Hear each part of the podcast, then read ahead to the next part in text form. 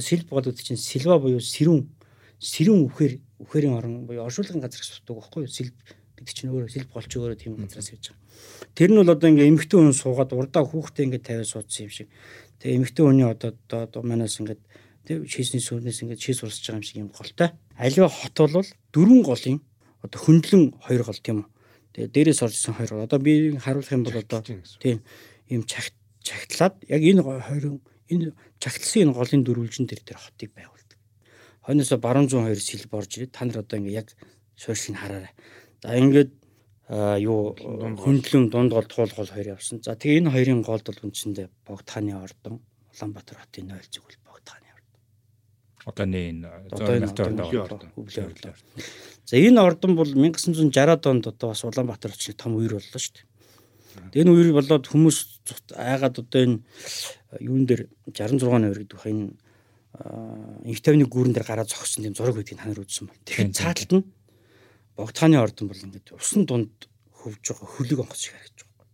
Эндээс одоо зүүн талаасаа налах чигээсээ ус орж ирэх нь тодорхой үеэр тийм ээ хоёр гол байна. Тэгтэл тэр дунд одоо ингээд хөлөг онгоц шиг тэр үер усанд автахгүй байх тэр газрыг яаж шинжилсэн гэхэлэр яг энэ Богдхааны ордныг бол зүүн тийш харуулад тавьсан өхрийн өвчүү гэдэг юм байдаг шүү дээ. Одоо бидний иддэг тийм ээ. Оны өвчүүн шиг өхрийн өвчүү шиг ийм газрын яг өрцөн дээр нь барьсан байхгүй. Тийм учраас тэр 9 усыг хаглаад яг ингээд үйлд автахгүй тэр одоо шинжээ тойроо явчихна тойроо явчихна өрөөд явчихна тийм тэр өхрийн өвчнүүд чинь тэр бүдэрхийн тэр ирж байгаа усаа хагалж байгаа байхгүй тэгэхээр тийм газрыг бол одоо шинжиж барьсан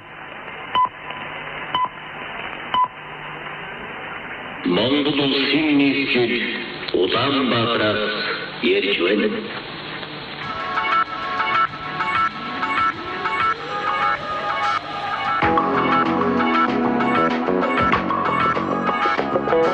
ах германд байсан юм л да. Тэгээд нэг Buenos Aires тоглосон нэг Nirvana-гийн амьд хвчлэг үзүүлэхгүй.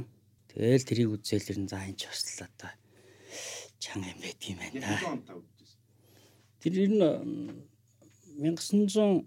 1993 4 оны үед манай чи анх энэ кабелийн телевиз сансар телевиз гарч ирээд энэгээр Channel V гэдэг хөгжмийн хөтөлбөр одоо Гонконгийн энэ гардаг ус. Тэгээд Channel V-гэр бол одоо Tupac-ийг амьд багтана Тэгээ сонсч илэн шүү дээ. Back. За тэгэл Nirvana гарна. Nirvana бол тэр үед бол том үзэгдэл болсон. Тэгээд ялангуяа тэр үед одоо хөгжмийн Bravo гэж сэтгүүл одоо сонсдог дундх пострын одоо бид нэр авч хан дээр хатдаг. Тэгээд тэр э, сэтгүүл бол герман хэл германд гардаг, англи хэл дээр гардаг. Тэгээд ер нь тэр үедээ бол баг дэлхийн тэр хөгжмийн ялангуяа тэр Billboard-ийн одоо анхны жагсаалтуудыг гаргаал. Тэгэл одоо бид нар чинь тэр Prodigy, Ace of Base тийм ээ? Two Unlimited гэл одоо анхны тийм хипхоп хамтлагууд. Одоо юу гэх юм транс хамтлагууд тэгээд хипхопчдоос бол Bobby Brown. За тэгэл энэ доктор Dre яг одоо old school гэх юм бол одоо эд мандж ирсэн байл дээ. Тэгэл тэр чинь өөрөө ирэхгүй ингээл хостол. Би бол тэр рок сонсох хэс илүүтэй бол надаа юу гоё байсан. Тэгэхээр хипхоп химнэл. Хипхоп химнэл гэдэг чинь өөрөө ярихаас урт дуулахаас богино одоо аялгуулын хэлхийг бол тамлах гэж хэлдэг баггүй монгол хэлэнд. Одоо бөө тамлах гэдэг байгаа чинь бол дуулж байгаа ч биш, яг ярьж байгаа ч биш тийм ээ. Ритмтэй. Тэгээд тийм химнэлтэй тэгээд тэр хэлдэг нэг тийм сонин юу баггүй. Сонин хэлбэр. Угаасаа тэр нэг нэг байгаад байгаагүй. Эсвэл ингээд нөгөө коммунизм үеичүүд ийм байлаа шүү дээ. Нэг альва нэг дуу зохиогдно гэж шүү дээ. Асар том хүнд дарамт бол эхлээд шүлгэн бичин, шүлгэн төгс байх шүү дээ. Одоо тийм ч үсвч тийм ч учраас одоо манай Бадруугаахын дуунууд тий Улаанбаатарын агаар сайхан ч гэдэг юм. Одоо энэ дуунууд ч тасархаа гоё яруу нэрхтэй. Одоо Бадруугаа ч гэдэг юм тэр үеийн дууны үгийн мастеруд бичдэг. За тэгээд тэр шүлэг нь батлагдаад энэ шүлэг нь бол одоо гоозын хувьд нэлээ одоо өндөр шаардлага хангасан тий ямар нэгэн одоо алдаагүй гэсэн тохиолдолд бол ингээд үздэг. Тэгээд дараа нь бол би ялангуяа 50-60-аад оны Улаанбаатарыг ч гэдэг юм яг Улаанбаатарын хамгийн сайхан байх үеийг бол Бадруугаан ах бол одоо тэр Улаанбаатарын агаар сайхан гэдэг гоё дуугаш тэр дуугараа үлдээсэн. За бүж ах бол Улаанбаатарын үдшээрээ үлдээсэн тий. Одоо ерөөсөө тийм гоё гармон байхгүй Улаанбаатарын дуу. Амар тийм одоо ингээд одоо юу гэдгийг одоо хит хэрчмлэг гэхээс илүү тийм булгаар тийм зэрлэгдүү болж эхэлсэн байхгүй. Тэгэхээр та одоо юу гэж танилцуулах одоо бид номын сан ч гэсэн ч болно яг хүмүүс бол төв судлаач ч гэдгийг тэгээ зарим нь бол одоо хулгайч гин тэгээ би бол бас одоо манай багш намайг нэг одоо номын хулгайч гэд хүмүүс хэлээд ирсэн юм л тэгээд үгүй тэр чи одоо нь одоо яг тий хэрэгтэй юм хулгайлахын тулд чүнлээ унших хэрэгтэй. Танаас ч бас унших Та та. тэгэхээр дүртэд даавгийн дүр гэсэн үг. Төвчл өвчин бол одоо хулгайгаас сэргийлдэг цагаан чаажин гэдэг сахиустай одоо 90 юм хоёр одоо аг ясны сахиус. Энэ бол одоо сажаа ясны буюу Иван улсын үед одоо Монголд орж. Монголд бол ерөөсөө Монголын үе үеийн хамгийн том проблем бол ерөөсөө л малын хулгай. Монголын одоо энэ алдагдсан гэдэг архив маань байна. Архивын чи ерөөсөө 70-аас 80% нь дандаа мал хулгайсан. Тэр одоо хулгай хэрэг. Тэр нэг морьч байсан тэрэн дээр одоо ингээд заавал папк үсгээд архив үсэж байгаа байхгүй юу? Миний морийг тэр хулгайлчлаа. Тэгээд тэр тийшээ гаргасан, тэр тэгж ирчихсэн. Тэгээд аваад тэрийг одоо шийтгсэн л хэрэгэд. Түнш Монголд бол тэр нэг сүйтэй айхтар тийм гимт хэрэг гэдэг юм бол байх. Архивт нь ч гэсэн. Одоо баг миний амьдралын ихэнх хугацаа бол номын санд өнгөрсөн. Би улсын төв номын санд би ч одоо 1996 оны 12 сард одоо эрдэнэслэгийн ажилд очсон. Тэр цагаас хойш би номын сангаас 3 удаа хөөгдсөн. 3 удаа бас өргөцсөн. Би тиймэрхүү л юм байна. Тэгээд ном унших дуртай. Ямар нэгэн одоо дарга дорог ноён тим хүмүүс жахан дургу дээрээ ноёнгоо доороо боолгүй амьдрна гэсэн. Одоо тийм хиппи тангарахтай. Тэгэл заад ингэж Эхлэе, үнсийн доорхоо тий. За эхлэе. За тэг. За сайн бацхан уу сонсогчдоо манай Улаанбаатараас ярьж байна подкаст төвд судлаач номын санч одоо олноо танхаа банд нэрээр алдаршсан нэм очрах манай өнөөдрийн зочноор хөрөлцөн ирээд байна. Таны намралтын өдрийн мэндийг хүргэе. Баярлалаа та бүхэнд. Энэ подкастаа ураад тэгээд би бол өнөөдөр Улаанбаатарын тухай ярих юм байна гэж ойлгосон учраас би бол одоо хүмүүс э, ойрхон ойрхон ярьцлага өгвөл янз янзын юм ярьлаа л гин л дээ. Тэгэхээр одоо би бусад өөрийн судалдаг сэдвийн төрхийн тухай биш зүгээр би энэ Улаанбаатарт бас өөрөө хайртай. Энд одоо би дөрвөн яриа бараг амьдарч байгаа гэж хэлж болно. Ягаад гэвэл миний өвөө аав яа Лувсан жамбаа намхаа авраг гэдэг одоо алхах их аврагууд байсан ах нь бол одоо их тагны бүх дүү нь бол одоо богд хааны бүх хоёулаа бол 20 жил энэ Монгол бүхийн одоо дивжиг эзэглсэн юм хүмүүсэлтэй. Тэгээ энэ одоо бидний энэ э, подкаст хийж байгаа энэ хажуудлын хамт орч чангийн өргөж манай хошуу юм баггүй. Тэгээ манай тэр өвгдээц бол энэ хүмүүсийн одоо хажууд ирж одоо өөрийн хашаа байшинтай Булган аймгийн сайхан сумаас тэр үеийн одоо хамт орч чангийн хошуунаас энэ дэж Улаанбаатар хотод анх одоо үйл хөдлөх хөрөнгөтэй болсон. Дараа нь бол манай өвөө бол тэр Лусан жамбын дөрж өдр ахвар хянах хүү бол их хүрээнд дашчомбол татсанд гандан дээр одоо ламбар суралцсан. Тэгээ өвөө бол юм. За тэгээд байж итэл одоо ингээ бужигнаад нутгуруу буцчаад аав Улаанбаатар дээрээ Улаанбаатар дээрээ би ч одоо 2 дугаар төрх өдөрж байгаа байхгүй. Тэгээ одоо яг 202 доо яг энэ бас өвгийнхөө өвгдээцэх одоо энэ амьдарч шинэ газрын ойролцоо амьдардаг. Тэгээ нөгөө одоо тийм болохоор надад энэ Улаанбаатарын түүх их хуучин их хүрээний түүхийг одоо судлах сонирхох тийм хүсэл маш багаас төрсөн баг. Би нэг эмээтэйг өсөхгүй. Тэгээ манай эмээ чинь тэр нөгөө одоо энэ богдын өгсөн ийм богдын цамц байна. За богдын өгсөн бурхан байна. За богдын өгсөн одоо ийм тийм гэдэг бас нарийн яриад яхав тий. Тимнүүд байна. Тэгээ маш их олон хадаг байсан бас. Тэгээд тэр бүх зүйлийг чинь дэргэд өсөөд тэгээд нэг эмээ бол одоо дөнгөж мэдээ орсон цагаас л за энэ богд гэж хүн л одоо бидний одоо аврал одоо ерөөсөө манай эмээ бол тэр коммунизмд хаана амьдарч байгаа ч бас нарийн сайн мэдгүй. Ийм хүний гар дээр би энэ 1992 онд 84 настай нас орох хүртэл нь бол одоо 18 нас хүртэл хамт байсан. Яг юм техникэрт. Ингээд бол тэр үеэс эхлээд бол нөгөө манай гэрээр одоо тэр үеийн манай өвөгийн зиндааны лам нар гэдэг юм уу ингээл нөгөө хуучны хүмүүс их хэрцгэн. Тэд нар чинь Улаанбаатар хотын түүх, тэр нутаг орны түүхийг ярина. Тэгэл тэднийг ингээд сонсоод ч ямар сони юм ярьдаг хүмүүс. Энэ их л годолч хүмүүс байна гэдэг юм. Ингэсээр хагаад яг хөө ингээд төв судлаач гэдэг юм ийм э, зүйлийг судалдаг болъё гэдэг. Ингээл Улаанбаатар богд олын сав газар хатан тоолын хөвөө гэдэг энэ газар одоо би 50 жил амьдарч байна. Одоо би энэ жил 50 хүрч байна. Тэгээд тийм болохоор бол ялангуяа одоо э, судалгаа хийсэн идэвхтэй судалгаа хийсэн 30 жил байна л нэг 20 наснасаа гэж үзэх юм бол. Энэ хооронд одоо Улаанбаатар хотын тухай, богд уулын тухай, туул уулын тухай, их хүрээний тухай одоо өөрийнхөө сурч мэдсэн, сонссон тэр зүйлээ бол өнөөдөр та бүхэнтэй харамгүй хуваалцъя л гэж бодож байна. Мм үнэхээр сонирхолтой байна. Тэгвэл одоо бид нэр уламжлалт асуулт өгдөг л та. Аа Улаанбаатарын те одоо таны хамгийн дурсамж сингсэн газар юу вэ? Ер нь баг 200 гэж ойлгочлаа сая ярианаас. Тий, ялангуяа энэ их Монгол гэдэг пиавны газар. Би 20 жил тасралтгүй пиав болж байгаа. Ааха. Тэгэхээр би яг ингэх гээл л да нөгөө хуучин ямар байсан, одоо ямар байсан гэдэг талаас нь ер нь асуудаг байхгүй. Тэгэхээр таны хувьд одоо өмнөх өмнөх үеийн те одоо баг баг хүүхэд байх залуу үеийн тэгээ яг одооны өнцгөөс ингээ ийм харьцуулсан хоёр хариулт ирэл ерөөсөө юм нэг газар л хэлэхгүй те эсвэл ийм өөр бас Яг би зүгээр ингээл явчих. Яг эхлээд энэ туулгол богд ууланд ягаад энэ одоо их хүрээ буюу энэ том хот бий болсон. Энийний одоо шалтгаан юу байсан гэдгийг. Тэгэхээр яг магадгүй миний энэ ярих сэдв бол та нарт сонирхолгүй гэж магадгүй л дээ. Гэхдээ бол энэ бол яхахгүй болоод болоод өнгөрсөн энэ үйл явдал. За тэгэхээр бол эхлээд бол энэ туулголын тухай ярив. За туулголын тухай ярихад бол одоо хатан туул гэж хэлж штэ. За хатан туул гэдэг ер нь энэ яг энэ дээр үеийн ихтгэл үнэмшил буюу одоо монголчуудын хамгийн анхны шүтлэг бол энэ бонгийн шүтлэг гэж байна л да. Бүх зүйлийг тэнгэртэй гэж үздэг. За тэнгэр эцэг газар их гэж үздэг учраас тэнгэрийг бол одоо уулыг бол хаан, усыг бол хатан гэдэг цол хамгийн дээд цол нөхгүй. Тэгэд Монгол газар бол монголчуудын хатан гэдэг нэртэй нэрлсэн одоо хоёр гол гэдэг. Нэг нь бол одоо хатан гол буюу шар мөрөн.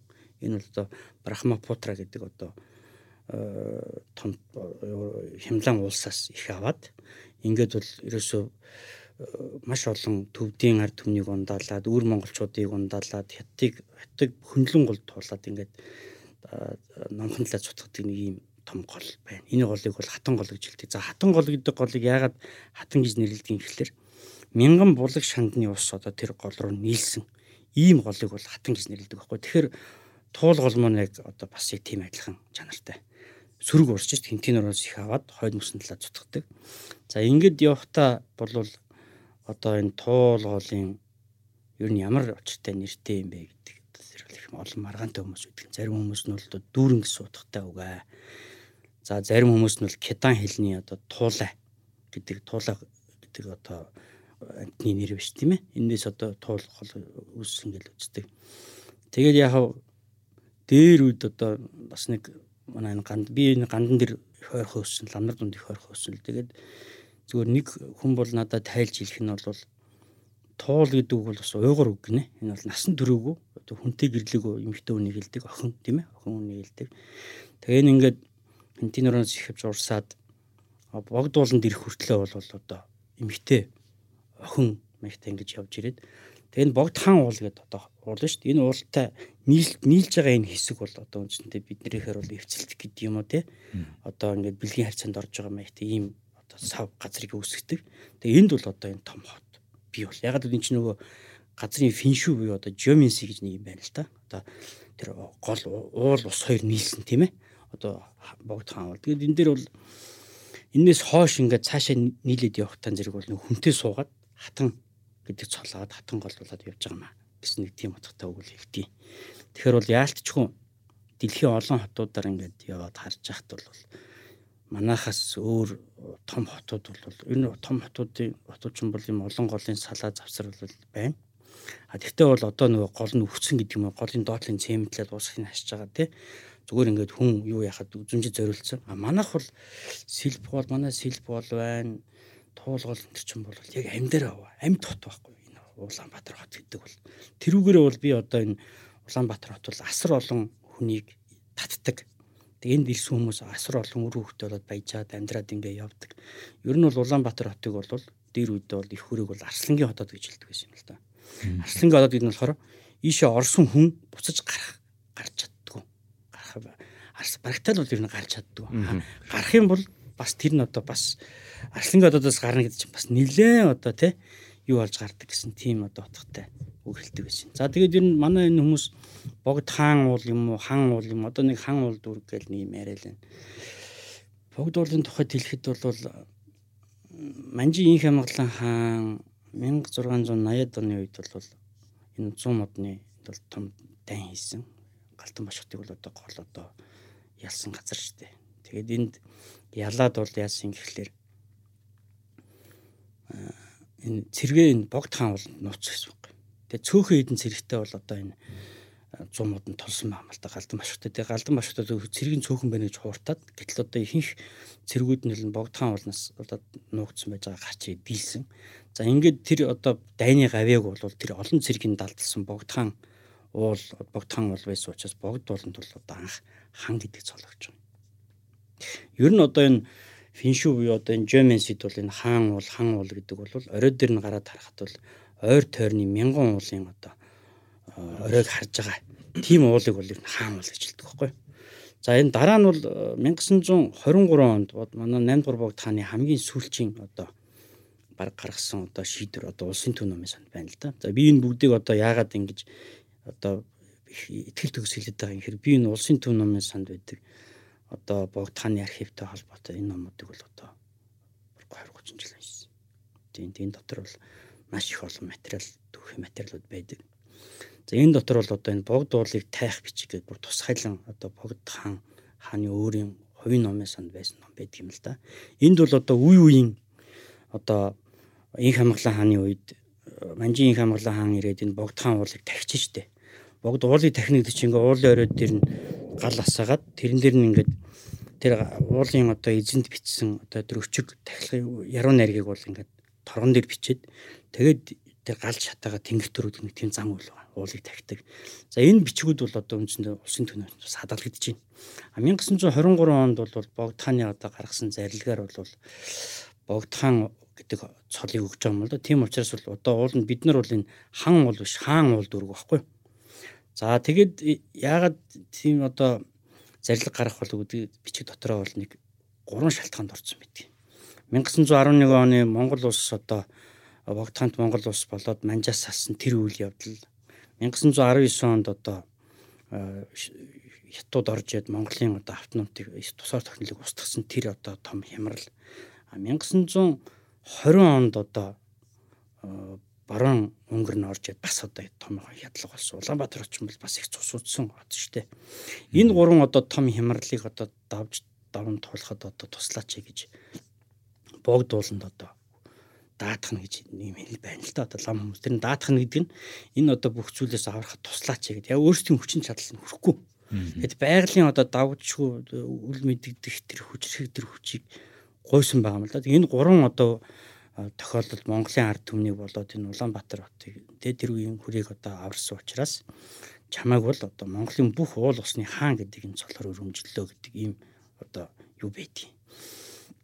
За яг энэ юу штэ 1800-аад оны ихэр энэ их хүрээний ван юндэнд орж идэг хүн чинь бол их хүрээний одоо хотын захирагч нь тэр үедээ одоо манжийн хаанд одоо юу өгöd өргөдөл гаргаад манай одоо энэ богд хаан уулыг дархалж өгөөч гэсэн баггүй. Энэ бас дархан цаастай шүү дээ. Тэгээд энэ дархан цаазал нь тэр дархан цаазалсан дархан цаастай болгосон дархан цаастай болно гэдэг нь юу юм гэхээр дархан цаас. За 1790-ад онд шүү. Тэгээд би нарийн хамгийн анхны дархан цаастай уулаар. Тийм дархан цаас гэдэг чинь ерөөс юу юм бэ гэхэлэр богд уулын бараа харагдаж байгаа газар л амтны амт таслахыг хориглцдог байхгүй. Аа.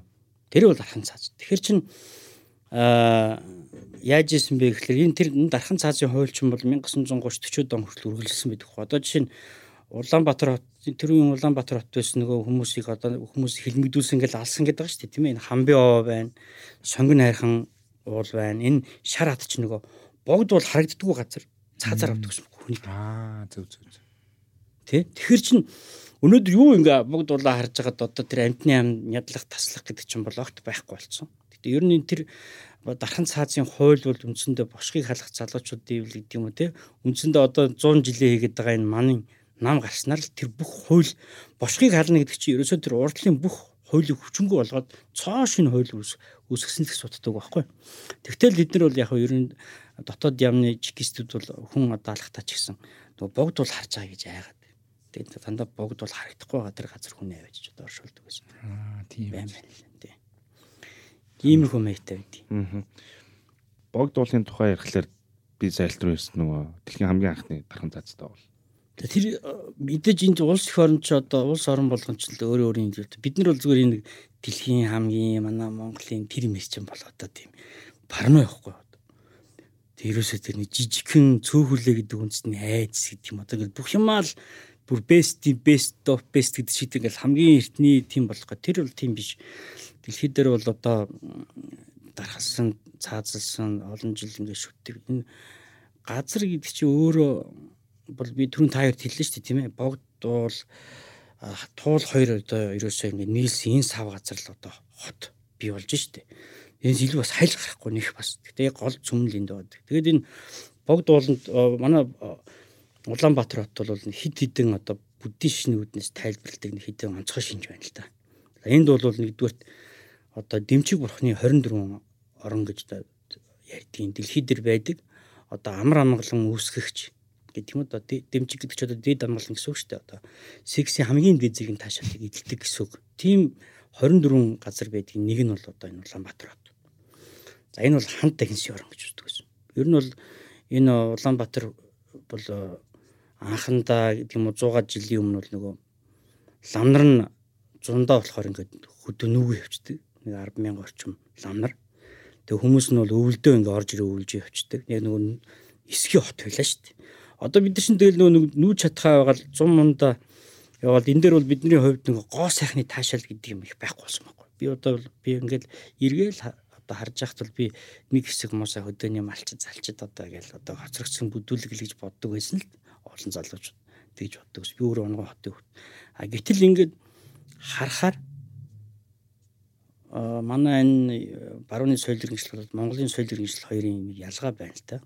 Ер нь хүн болгонд одоо гоо сайхны таашаал байна тийм үү?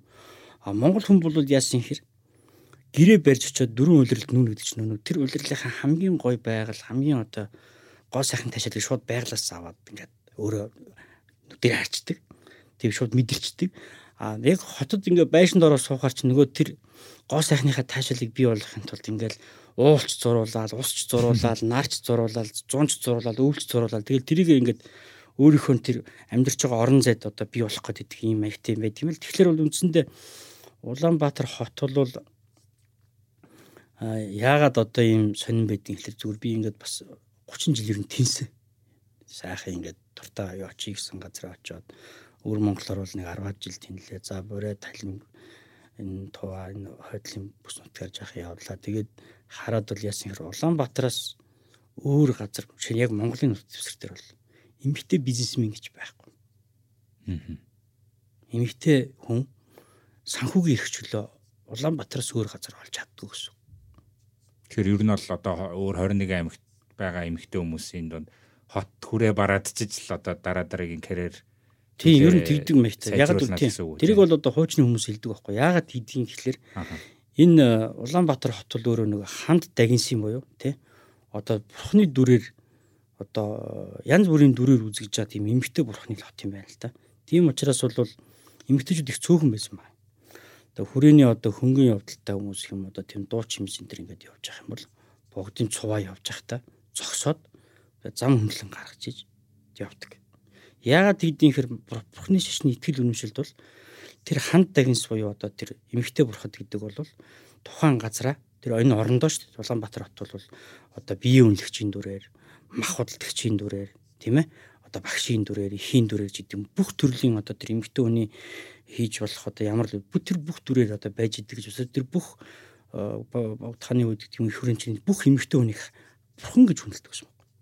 Одоо харамсалтай нь одоогийн бид нар бол тийм гоё соёлыг нь бол авч юу яагаагүй. А гэхдээ тийм учраас ер нь бол одоо ялангуяа манай багш нар дийчүүд ярьдаг байсан л да. Одоо энэ дунд голоос тийм ээ их тавны гүрнээс туулын гүр хортлох энэ хоорондох зам энэ газар бол өөрөө зөвхөн богдхан ихтаг нь хоёр амьдэрдэг. Өндгөн цааны сүрэг буюу ер нь одоо дан одоо нэг хаан ширийн цухт нь өргөсөн данд цагаан өнгийн тэмээ, цагаан өнгийн одоо морь одоо бэлтж идэг.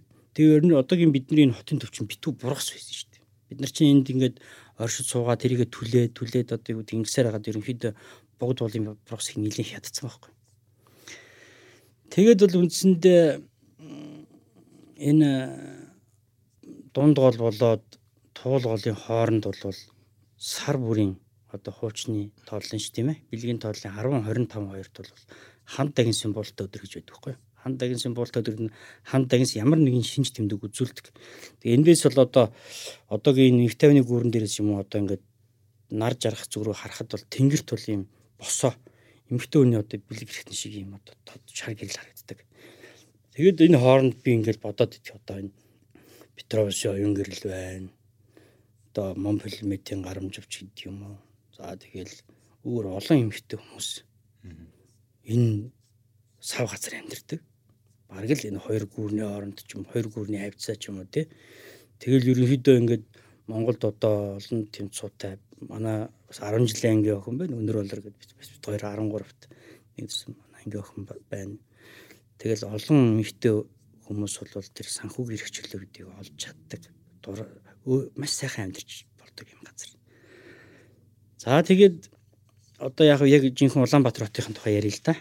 За Улаанбаатар хотын тухай ярихад бол анхандаа бол энэ хүрээ гэдэг энэ нэр байна. Энэ хүрээ гэдэг нэрийг бол та нар бөөрийнхи юм зүйл гэсэн үг.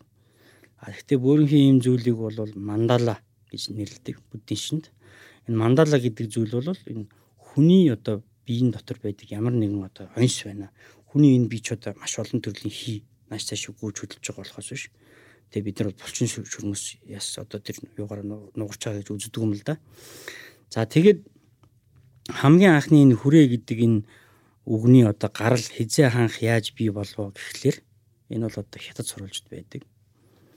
Хятадын одоо гаммуу гэж одоо хятадын төр ёсны түүхийн тухай нэг ном байдаг. Тэр номон дээр бол байдгийг одоо инженеаш бол иш татаад хөгс өдөр гэдэг ном бичсэн байна. За тэр хөгс өдөр номын дотор байдаг товчтөл гэдэг ном байдаг л да. Тэр дотор бол Чингис хаан 1945 наснда Мон гэдэг голын одоо ирэг дээр хүрээ мандал байгуулж хаан ширэнд суулаа гэж байдаг. Тэгэхээр бол хүрээ гэдэг маань бол юу юм гэхээр ер нь одоо буддийн шний бясалгалын одоо медитейшн стейж гэж нэг юм байна л да. Медитейшн одоо генерашн стейж буюу одоо үүсгэлийн зэрэг гэж хүн одоо өөрийнх нь сэтгэл дотор одоо ингээд альва бурхантай ингээд ойртохын тулд яадаг юм гэхэлэр тэр бүрийнхээ хот мандлынхаа төвд нь хаана буюу одоо бурхнаа бясалгаад тэрнийхээ гадна орд өргөө бий болгоод эргэн тойронд нь одоо хамгаалагч нараа нь хамгаалуулсан нэг юм бүрэн бүрэнхий зүйлийг өөрийнх нь сэтгэл дотор мөн үү illusion буюу одоо ингээд тэгээ төсөөлөөрөө бий болгодог ийм зүйл байна. А тэгэхээр бол альва улс үндэстэн гэдэг юм уу хот бий болно гэдэг бол энэ бол асар том төсөөлөл болоод газрын шинж буюу gemency гэдэг энэ зүйлийн одоо тэр бий болж байгаа юм л да. Гэхдээ тэр монголчуудын бий болгосон хот ч юм бол тий эсхий гэртээ нүүдэлдэг ингээд яваад идэг. Тэг явж хагаад ямар газар яах вэ гэхээр хамгийн сайн шинжтэй газар одоо очиж суурьч байгаа юм л да. За энэ утгаар нь аваад үзэх юм бол одоо Хятадын 5 одоо династи буюу Хятадын 5 одоо гүрний нийслэл байсан Сиан гэж хот байна. Одоо энэ Бээжингээс урагшаа 1000 км-т байдаг. За Бээжин хот байна. За энэ газруудыг одоо очиод бол ингээд үзэхээр бол тэр Хятад өөрсдөд нь одоо маш олон 100 жилийн туршид одоо гол шашин болж ирсэн. Финшүү буюу одоо Gemency гэж хэлдэг англиар ийм зүйл байна. Энэгээр үзэх юм бол аливаа хот бол том одоо бол ийм дөрвөн голын одоо хөндлөн хоёр гол тийм үү. Тэгээ дээрээс оржсэн хоёр. Одоо би харуулах юм бол одоо тийм ийм чагт чагтлаад яг энэ хоёр энэ чагтлсан энэ голын дөрвөлжин дээр тэр хотыг байгуулдаг. Бээжин тийм. За Сиан тийм. За би өөр одоо Москва энэ хотыг бол сайн мэдэхгүй л ямар ч үсэн дорн дахны одоо энэ газрын финшүү буюу одоо энд харсан юугаар нь үзэх юм бол ийм огтлцолтой Улаанбаатар хот бас тийм. Хойноосоо баруун зүүн хоёр сэл борж ирээд та нар одоо ингээ яг суурьшиг хараарай. За ингээд юу хөндлөн дунд гол туул гол хоёр явсан. За тэгээ энэ хоёрын голд бол үндсэндээ Богдхааны ордон Улаанбаатар хотын 0 зүг бол Богдхааны ордон. Одооны энэ зөөлөлтөөр ордон. За энэ ордон бол 1960-ад онд одоо бас Улаанбаатар хотын том үер боллоо шүү дээ. Энэ үер болоод хүмүүс айгаад одоо энэ юун дээр 66-ны үер гэдэг баха энэ инх тавны гүүрэн дээр гараад зогссон тийм зураг байдгийг та нар үзсэн бол. Тэгэхээр цааталт нь Богдхааны ордон бол ингээд усан дунд хөвж байгаа хөлөг онгоц шиг харагдаж байгаа. Эндээс одоо зүүн талаас налах чигээсээ ус орж ирэх нь тодорхой үер тийм ээ хоёр гол байна. Тэгтэл тэр дунд одоо ингээд хөлөг онгоц шиг тэр үер усан давтахгүй байх тэр газрыг яаж шинжилсэн гэхэлэр яг энэ Богдхааны ордныг бол зүүн тийш харуулад тавьсан өхрийн өвчүү гэдэг юм байдаг шүү дээ. Одоо бидний иддэг тийм ээ. Одны өвчүүнтэй шиг өхрийн өвчүү шиг ийм газрын яг өрцөн дээр нь барьсан байхгүй. Тийм учраас тэр ирсэн усыг хаглаад яг ингээд үйл тавтахгүй тэр одоо шинжээ тойроо явчихна. тойроо явчихна. Өрөөд явж байна. Тийм тэр өх- өхрийн өвчмөний чинь тэр бүдэрхийн тэр ирж байгаа усаа хагалчихж байгаа байхгүй. Тэгэхээр тийм газрыг бол одоо шинжиж барьсан байна. Тэгэхээр бол энэ дээр бол манай өхрөөний хуучууд гэдэг юм уу настайчууд бол нэлээд одоо энэ богдхааны ордныг нь яаж шинжсэн яа их олон юунууд байна. Аман түүхүүд бол цэний бол oral transmission буюу одоо аман уламжлал гэж хэлж байна л да. За энд бол нэг хамгийн дөрөнд бол одоо бас нэг сонин шинжсэн шинжээ нь бол тэр дайфо буюу одоо тэр газар шинждэг тийм тусгай мэрэгжлийн хүмүүс байна. Хятад бол тэр шугуун өгд гэж байд юм л та. Одоо энэ даавгийн одоо ёсны том мастер. Тэр мастеруудыг бол авчиж эхлээ шинжүүлсэн байгаа. За тэгээд Хэд оны үед гэсэн үг. За энэ бол ер нь суурьшхаас өмнө 1700-аад оны 40 50-аад оны үед ирсэн бол гэж байгаа юм. Яг энд чинь яагаад энэ суурьших болчих вэ гэхлээр чинь ийм том асуудал монголчууд тулгархгүй юу? Инх хамгаалаа хаан ерөөсөө галдан башхтын цэргийг ялангуутаа цэргийн гарнизон байгуулж байгаа юм. Энд. Тэг мөн л манжийн хүрээ буюу манжийн цэргийн одоо том гарнизон байгуулсан. Хуаран. За энэ хуаран бол ямар учиртай юм гэхлээр Бээжин лүү 1400 км, их хөрөв 1400 км байхгүй юу? Яг голын одоо цэг гэсэн үг. Эндээсээ хоошоо 6700 км яваад улаан үд үд дунд байхгүй юу? Замын яг үд дунд эрхүү ордог зэрэг замын дунд. Байгаль нуураа тойроо дахиад 700 явж иж хүнд очиж байгаа юм. Улаан үдэд. Бээжин лүү явхад замын үд буюу замын үд дунд байхгүй юу? Тэгээд цаашаа Бээжинд 700 явж ордог. Яг гол одоо харилцааны өртөө болооны яг гол болсон. Өнөөдөр харамсалтай нь манайхан болохоор замын үүд гэл одоо манай Монгол руу орж ирэх үүд гээд нэг үү нэмчихэд байгаа. Уул нь бол одоо хуучны газрын зураг юм бүх юм дээр Монгол төчрөл үд.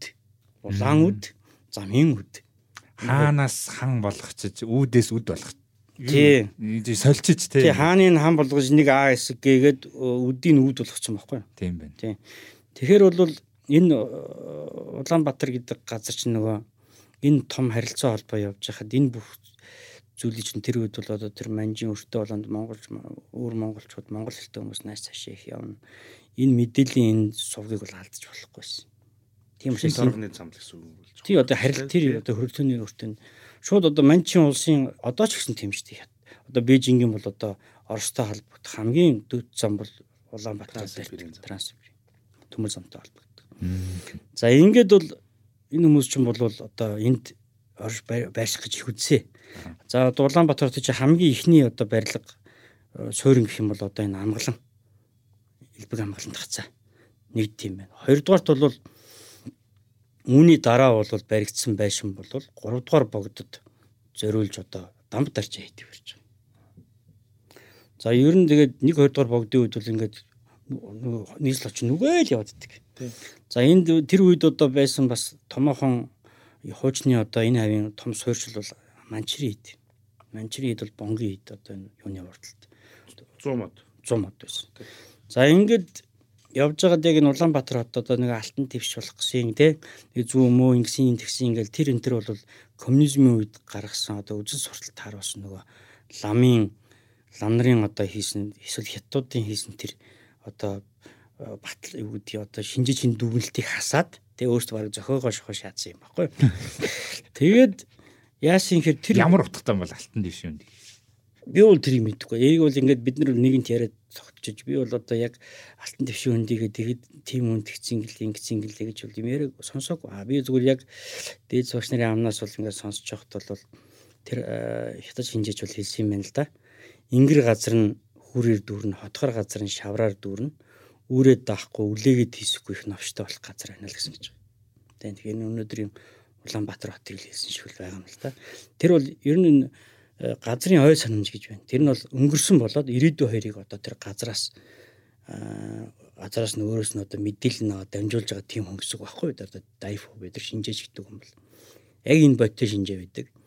Арслангийн хотод гэсэн шинжээ бай- байдаг. Ийшээ нэгэнт орсон зүйл бол гарахгүй. Тэгээ Арслангийн хотод гэдэг дээр бол э, юу гэж ярьдаг гэсэн хэрэг аа Улаанбаатар чи ерөөсөө их сургууль байхгүй юу? Ерөөсөө л их сургууль байсан. Энд ямар ч үйлдвэрлэл байгаагүй. Энд бол дээд зэргийн урлагийн урлагийн болоод философи их сургууль гэж ойлгочих болно. За ийм байж гэдгийг бол одоо юугаар мэдэж болох вэ гэхээр одоо ласын тий төвдийн ласын одоо бодол том харш байна. Том ууланд. Тэрний одоо улаан ордон гэдэг ордныг бол монголчуудын хөрөнгө оруулалтаар алт цуглуулж яадаг. Тэр Гүү тийм 1648 онд барьсан. Ер нь. За 1648 онд барьсных нь дараахан бол өндөргийн очсон юм л да. За ингээ очихт нь бол үндсэндээ 1647 8 оны үед бол өндөргийн нэг 13 настай байхад нь хаан ширээн залсан их том ёсол болж бий. Тэр үедээ бол Улаанбаатар хот хаан нүүж явсан юм бэ гэхээр одоогийн Эрдэнэ 100 хийдээс холгүй баруун хүрээ гэж байна шүү дээ. Одоо нааш 40 км. Тэрний уртлын одоо голын хөндөд байсан байгаа. За энэ энэ үйл явдлыг нь бол төвдүүд Далай ламын унтлагын өрөөнд зурчиж хан дээр зураг үлдээчих. За ингээ 2019 онд Монгол Хятадын одоо харилцаа дипломат харилцаа тогтоосны 70 жилийн ой болоод Монголоос нэг хэдэн сэтгүүлчд явах болоо. Тэгээд азар би одоо урд нь бол нэг төвд явах гэж 5 удаа аплай хийсэн байсан боловч надад зөвшөөрөөгүй. Тэгээ яг тэр үед 6 сард байсан чинь манай сэтгүүлчд явахтаа хэлэхгүй нэг судлаач аваа яв. Айгу хацтай. Би одоо энэ таяр баяр инх цэцэгээ сэтгүүлчд инх цэцэг хоёртай баярлалт. Тэр хоёр намайг дуудаад нууд аваа. За чи сте газ паспорт аваа тэр. Тэг төвд явах боломж байна. Би итгээг байхгүй. Тэгээд бидэд очиод тэр үед 19 онд Хятадын гадаад явдлын яамны Азийн газрын дарга одоо Хятад Койзуми гэдэг Японд олон жил болсон. Яг ингээд Жиничрэ Койзуми шиг ингээд үсэн ингээд буурлал өстэй. Яг тийм чан шиг тийм хүн бид нэр хүлээж авдаг байхгүй. Тэгсэн чинь манер харин юу юм байна л да. Чингис хааны тухай дэлхийд гарсан бүх хил дээр гарсан юмд цуглуулсан их том баялаг цуглуулахтай өөрөө дипломатгүй. Тэгээ би ядаж тэр үед нэг азар Чингис хааны шүтэн өрөг гэдэг ном 17 онд гаргацсан. Тэгээ миний тэр номыг явахад энэ элчин би соёлын зөвлөлт хийсэн байхгүй. Та өөрийнхөө номноос аваа яваарай. Манай тэр Бээжинд хүлээж авах хүмүүс таны номыг сонирхоод байгаа ингээд. Тэгээ очсон чинь нөө миний нэг жижигхэн номыг ингээд хажуу талд нь хятадын хадаад ингээд өөрөө орчуулад хүнээр орчуулгалцаа уншаа суужсэн байхгүй. Тэгээд тэр хүнтэй бас ингээд уулзаад танилцаад би бас ном бэлгэн дөгөө. Тэгээд тэр хүн маань надаас асуусан. За та нар одоо ингээд төвд явах гэж байна. Ямар одоо зүйл хэрэгтэй вэ? Хэрэгтэй. Тэгээ би хэлсэн би бол судлаач хөө одоо ласын бодоологийн хан дээр бол одоо Улаанбаатар хотын юм зураг байдаг гэд хятадын одоо хэд хэдэн судалгааны номон дээр гарцсан. Зөвхөн нь каталог дээр хэвлэгдээ гарцсан. Нарийн тайлбар байхгүй. Энийг л одоо олж үзэх гэсэн чинь. За тэгвэл яах вэ? Энийг би одоо ингээд хүмүүстэй хэлж гин. За та нар тэгтээ гол нь одоо сайн судлаад тийм ээ. Энэ бол одоо бас хятад Монголын болоод Улаанбаатар хотын тэр түүхийг ласын хан дээр хадгалж байгаа гэдэг бол энэ хоёр орны одоо хоорондын соёлын харилцааны их том хэрч болно. Энийг сайн судлаарай Тэг явуулчихгүй юу? их гоё юм биш. Тийм их гоё боломж гарцсан. Тийм. бас давхардаг чинь гэдэг чинь. Тэлгүй яах вэ? Тэгээд ласад очлоо явлаа бодолоод орлоо. Тэгээд би ч нөгөө одоо тэр бодолоо гэдэг ордон чи юус ингээл ханаараа дүүрэн зурагтай. Одоо прескар тий яг тэр үедээ шууд ингээл шохоо хан дээр нэг гүрэн татаад шууд дээр нь зурцсан. Шорон будгаар. Шорон будгаар зурцсан. Тэгээд нөгөө байгалийн гэрэл ордог учраас нөгөө яг зурснаар юм. Тэгээд тэнд бол яхаа би ингээд нөгөө Японы судлаач нар э, тэгэл барууныхын энэ төр бодолоод ороод нөгөө айгүй их тэмдэглэл бичүүлдээс одоо тим хан дээр нь тим юмны зураг байна. Иймний зураг нь бүх одоо Далай ламын урд дөрүүд ч юм уу те. Тэр чи ерөөсө тэр чигээр хан тэр чигээр комикс юм чи. Комикс. Тэ. Тэгээд бүгдийг ингээд тайлбарлалцсан. Тэгээс тэр тайлбарлалд ерөөсө ороогүйсэн. Сайн мэдэхгүй тэгээд хятад бол яг 1645-аас 1648 оны одоо халахын жавзан дам бүтгэгтийн орон хід риво гэж гандан шийдвэрлэн гэсэн. Тэр өөр дөр бичгтэй зурган дээр. Ямарс халахын зураг юм байна л гэж ойлгож байгаа болохоос яг одоо ямар нарийн учиртай хаана байдгийн ямар үйл явдал болсон тэрийг ерөөсө бичиг байгаа. Тайлбар байхгүй. Тэг яг ер нь ласын бодоологийн хан дээр бол монголчуудтай холбоотой хоёр зураг байна л та. Энэ нэг зураг байна. За нөгөө нэг зураг нь одоогор олдоод байгаа шүү дээ. Тэр чинь нийтдээ бол нэг томоохон томоохон үйл явдлуудыг зурсан 600 гаруй тийм том том зураг байгаа шүү дээ. Чи нэг том нь л метр 20 метр 40 хэмжээтэй ч юм уу тийм тийм том том зургууд ингээ хан дээр нь таазны хөндрөө 4 м өндөр таацтай. Тэгээд хаана бас ямар зураг байгааг ч нарийн мэдэх хүн байхгүй тэнд бол. За ямар ч үсэн энэ зураг бол байгаа гэдгийг хэллээ. Тэгээ бид нар явсны дараа бол энэ зургийн файлыг явуулсан. За тэгээ энийг бол бид нар тэр явж ирснийхаа дараа төвдийн 60 гээд одоо тэр явж ирсэн сэтгүүлчд өөрсдийн авсан фото тэндээс олж ирсэн зургаараа бид нэг үзэсгэлэн гаргаад тэр үед Монголын Монгол элчин сайд дээр байсан Син хаймын бол одоо нээлтэн дээр нэрчсэн л да. За эндээс бол одоо ямар ч хэлсэн олоод ирсэн.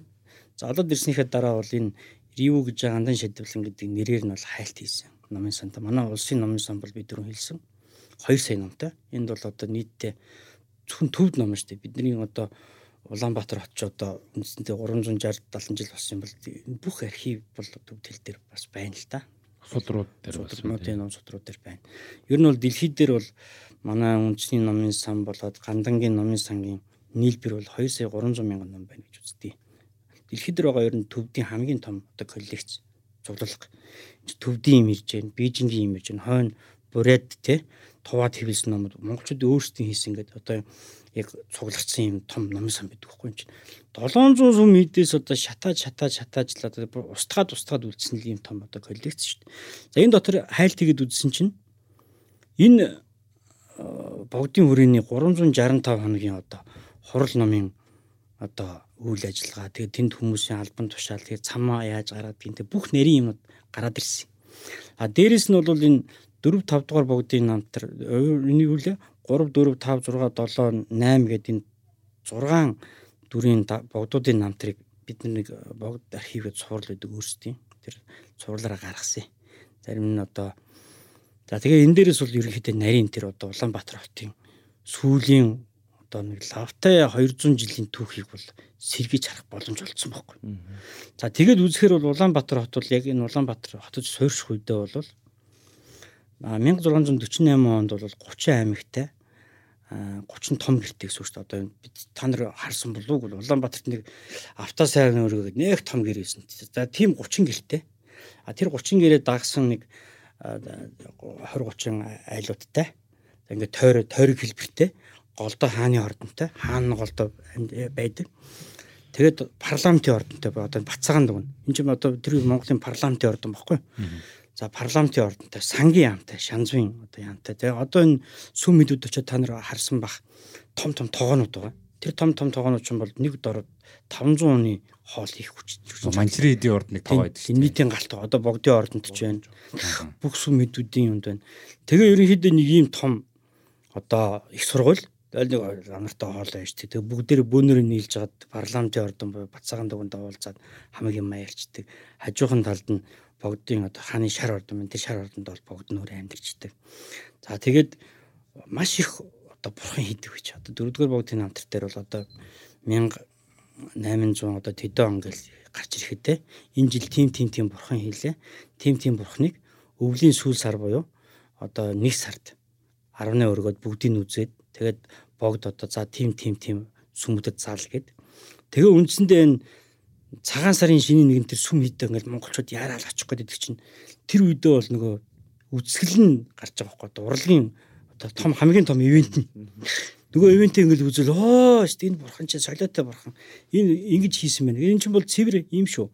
Гүсэг гундаа буюу одоо хөөж цохиж хийсэн бурхан цутгсан бурхан сийлсэн бурхан шавраар барьсан бурхан папи маше гэж хэлдэг тийм ээ. Одоо цаасан шумлаар хийсэн, ойсон, танка зураг гэдэг. Энэ 6 төрөлд тэр жилийн одоо хамгийн одоо онцлог бурхныг бол тэр богд нь нэрлдэг.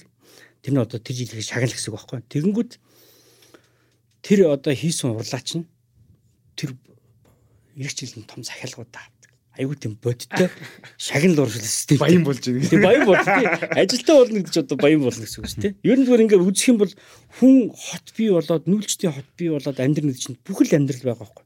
Тэгээд тэр хүрээнийхээ гадна талд хятадын пүүстэй бүр 1648 онд л тийм байсан. Ер нь бол 1639 онд манай хотын эхний он гэж авдаг тийм. Тэр чинь өндөр гүний 6 настай байхад тэр ширээ цагаан нуур дээр байж байгаа. Тэр олон нүүдлийн хот чинь ингээ байгаад байхад нэг бэлчээр нь талхлагтаад хүн амьдрах арга болохоор солид исэн юм билээ л. Саяндаач нүгэд байгаад тэнүүлч нь нийслэл биш байхгүй. Тэч нэг газар очдөг. Нөгөө газар чинь дор хаяад нэг 10 мянган одоо морины бэлчээртэй гэдэг юм уу. Тэр хүмүүсээ ингээд нөгөө дандаа нүүдлийн мал аж ахуйр ирээл малаас агаал тэгж байгаа ш. Тэгэхээр тэр мал хүн хоёрын хөлийг хит томорхоор энэ нүүдэлтэй очих болохгүй байхгүй. Тэгэхээр нүгэд исэн. Тэгээ нүгэд бол үндсэндээ өндөргийн нэг бол нэг 13 настай байх үед бол одоогийн тэр баруун хүрээнд очсон байгаа юм. Тэгээ баруун хүрээнд очиод бол тэгээ өндөргийн бол ерөнхийдөө ингэж нүүж болохгүй юм байна гэдгийг бол ер нь ойлгосон. Ойлгоод бол яасан бэ нөх гэхээр тэр 2 жилийн дараа 1649 онд одоо төвдөд ласт очиж байгаа юм л да. Тэр үед нь бол манай хүн чинь нэлээд баян хаан ширээ суудсан. Одоо энэ зурган дээр байгаагаар бол тэр алт мөнгө, хой, торог, адуу малыг бол ингээд дөрвөн хаалгаар нь ингээд багтаж ядтал нь авчирж шít. Оруулж авчирж өгч байна. Ингээ энэ хүн чинь бол очиод бол яасан хэрэг яг очих үед нь бол энэ ласын бодолоо ордныг бол нэг 2000 орчим хятад 800 орчим төвд 300 орчим балав за тэгээд 12 монгол зураач одоо ажилласан байдаг хгүй барьсан. Тэгтэн зэрэг бол мань хүн очиод тэр дорн дахныхын дундаа бол тэр хямлан урлагийн Непалчууд бол одоо тийм инженер маяг. Ерөөсөл Чингис хааны үеэс ахуулаад цэргийн инженер одоо харвах барих зэвсэг одоо бүх технологиг тэр Непалчууд хийдэг гэсэн байхгүй. Тэр Непалийн 300 дарахныг бол Монголд авчирсан. За Монголд авчираад энэ Улаанбаатар хот болоод энэ халах гэдэг энэ газрын хүмүүсийг бол шал өөр болгосон. Одоо та нар анзаараарай. Одоо ингээд халахаас өөр газар байна шүү дээ. Ийм гоё ганган гутал, имэйл, малгай, хэд утга мутах тийм байхгүй. Яг Непалд очиод юм одоо Хямлын Бутан Мутан гэдэг улсуудад л одоо манай нэмэгтэйчүүдийн дэрвгэр ус хүмүүстэй энэ ингээд нүүр мөрөө боддог энэ тэр бүр өөр юу шүү дээ мейкап мап нь бүр солиотой. Шууд хямлагаас ирсэн байдаг хгүй яг хөрөөнийх бол. А сүүлд нь энэ ялгааг бол яаж харсан гэхлээр энэ 1913 он бол 11 он болоод энэ хятадтай байлдах үед бол энэ буфер бүсийн одоо өвөр Монголын цахар гэдэг юм уу энэ хорчин харчин аймгийнх нь нөгөө байлдаад ирсэн. Тэгээ ирсэн чинь нөгөө монголчуудын нөгөө хувцсны дизайны сул тал нь гарсан байхгүй нөгөө монгол хүмүүс чинь шовгор малгай өмсдөг. Халахад А өөр монголчууд ерөөсөө ямар тийм гоё ганган юм байхгүй ш. Нийдэл тэгэл долгоонд нэг альчуур ороолаа тэгэл гүцээ. Тэгээ айгүй олон жил байлтцсан. Тэгээ нөө буунд ингээд окофонд бие дадлаад ингээд байлтах гэдэг юм шиг хамгийн түрүүнд малгайных нь шугар орой гараад ирдэг юм л да. Тэгэл тэрийг барьж агаад буучгаар халах зэргүүд одоо аюу хорогдсон байдаг байхгүй. Хувцсныхаа фэшний дутуу загвараас сул талаас болоод. Тийм байна. Тэгэхээр бол энэ өндөр гийн чин тэр 10 300-аад Непалыг аваад орж ирээд одоо энэ өмнө говийн одоо ноён сиврэ гэдгийг хийцээр орж ирээд тэнд нэг дандаа нэг ганц би ирчүүд явж байгаа. Тэр чинь бас нэг дүүн харахаараа бас нэг хүнтэй сумаар санагдсан тийм ээ. Нөхөр чүү асуудал хэрэгтэй шүү дээ тэр чинь. Тэгээ ерөнхийдөө тэр хавцаа ингээд ганц нэг хүмүүс үлдээ. Тэр нь бол одоо энэ уран дарахны ноён сиврэ гэдэг хийц бий болоод далай чонхрын хийж, тожил хийж, даргаан хийж Ингээл ингээл энэ олон хэсүүдийг бий болгож байгаа. Аа өндөр гэгэм бол ерөнхийдөө тэр 300 Непалыг бол шууд худалдаж аваад авчираад одоогийн Сербийн хийдгээд байгаа энэ хинтийн нуруунд байгаа энэ хотыг барьж эхэлж байгаа. Сулгаан харсан. Энийг бариад яг бодоолоо шиг тийм том ордон барих хүсэлтэй байсан боловч харамсалтай нь бидний одоо хоорондын ив муутагаас болоод тэр дайны хөл дүүрүүдэд тэр хийд орн бол устсан юм. Харамсалтай. Тийм тэгээд тэндээсээ урт очоод долон ур хийц гэдэг зүйлийг бий болгоод буцаад Улаанбаатар хотод ирсэн. За Улаанбаатар хот дээр одоо энэ шадивлангийн аманд бол энэ хийд байж. Тэгээд ерөөсөө энэ Улаанбаатарын хүн дээр орж чаддгүй. Нөгөөдөлч яагаад тэгэхээр маш их голтой, чихтэй, тэгээд маш их бургастай байсан юм байна. Ерөөсөө энэ хүнд чинь тэр чигээр бургас байсан байгаа шүү дээ. Ер нь тэр үеийн дөрөвдүгээр удын тэмдэглэлийн тэр үзэх юм л. Тэгээд нөгөө дөрөвдүгээр богд бол тэр дагшаа зог гэж нэг юм хийнэ дагшаа зог одоо дагшаа найрал хөгжимгөл бид нар нэг хуучны кино хроног төрс би ингээл гайхдаг дагшаа. Яруу тунгалаг улсын яруу тунгалаг дагшаа найрал хөгжимгөл тэнгэрхэл ингээл нэг жаз гарч байл тэгсэн чинь нэг жаз чи юм ихлэр хөдөлгөөнтэй явж тоглож болдог. Тэг дагшаа гэдэг үг нь болохоор явуулын тийм хөдөлгөөнтэй гэсэн үг юм байл л дээ. А богд болохоор нөгөө өөддөг ч юм уу яад чи ингээл энэ урагшаа евро моро манчи эдэн төрлөө орохын тулд ингээл одоогийн Улаанбаатар байсан газраар ингээд бургасан дундор яваад дагшаа зоог гэдэг нь одоо ингээд нэг аяны зоог байхгүй хүмүүс нэг газар аятайхан газараас одоо пикник хийж штэ одоо ингээд тэгээд нөгөө тэр үед ингээд суухта заавал одоо юм дунгар яжил буюу юм одоо нар зүвэр гэсэн цагаан дунг 21 удаа татуулдаг байсан юм байна. Тэгээд нөгөө хүмүүс нь асууна яагаад ингэж байгаа юм гэхээр энэ 21 татсан газар хожим бол одоо сүм хід босдг юм а гэсэн бохоггүй. Тэгээ тэр бэлэгдлэр бол үндсэндээ Улаанбаатар хот бол өнөөдөр Монголын бүх оюун ухааны одоо тэр мэдлэг одоо тэр олон сургуулиуд баригдсан тэр шалтгааныг бол одоо дийчүүлэл гэж ярьдаггүй. Энэ Улаанбаатар хот ингээ битүү бургас байсан. Тэгээ бургасан дунд дөрөвдүгээр удаа явж байгаа л ингээл нэг айгүй олон нааш цааш явна ш тийм ээ Монголд одоо 20 30 жил амьдарсан юм чи 30 30 жил амьдарсан юм чи. Тэгэл тэр үед нь бол ингээд одоо татуулдаг байсан тэр бэлэгдлэр гарсан гэдэг ярьдаг. Одоо жишээ нь нэгдүгээр сургуулийн тухай бол манай нэг багш ярьж ирсэн. Одоо энэ ханд дур чивангийн өргөчн бол одоо энэ хавьдаа бас нэг жаахан хамгийн өндөр барилга нисэн. хамгийн өндөр барилга нь үстэй. Хамгийн өндөр барилгатаа яасан хэр энэ чи нөгөө хажууд нөгөө нэг албатууд нэрээ буудсан. Тэгсэн чи одоо яг энэ зүүн хойно буюу одоогийн нэгдүгээр сургуулийн энд одоо нэг шинэ булаг гарсан гинэ. Булаг дэлбэр гэж одоо ингээд байж байгаа шууд тий. Гів гинт ингээд ус бариглаад гарцсан. Тэгээд нөгөөх нь ингээл нэг жаахан ингээл нэг шавхаа махаач болоод ирсэн. Юу яагаад ч ийсэн ингээл ер нь жаахан хүмүүс таагүй хандаад ирсэн юм л. Тэгээд тэр тэр ханд дурч ингээл багш хэлсэн юм. Үгүй зүгээр зүгээр наан ч одоо ингээд эрдмийн тэг юу босноо. Одоо нэг тийм эрдмийн урхаа бий болно. Тэгээ цогчонд гон ч гэх юм нэг тийм хэлсэн юм л. Тэгээ нөгөө хүмүүс айгүй шүтчихэж. Тэгээ яг тэр газар нь Оросын элчин ч баригдаж байгаа юм.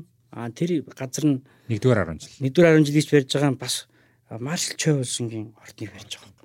Улаанбаатар хотын хамгийн одоо бэлэг дэмбэрэлтэй одоо тэр үеийн ээ зэрэглэлийн бүс гэж үзээ хинч ойлт чадахгүйсэн тэр газруудад ийм гурван барилга баригдсан байдаг байхгүй.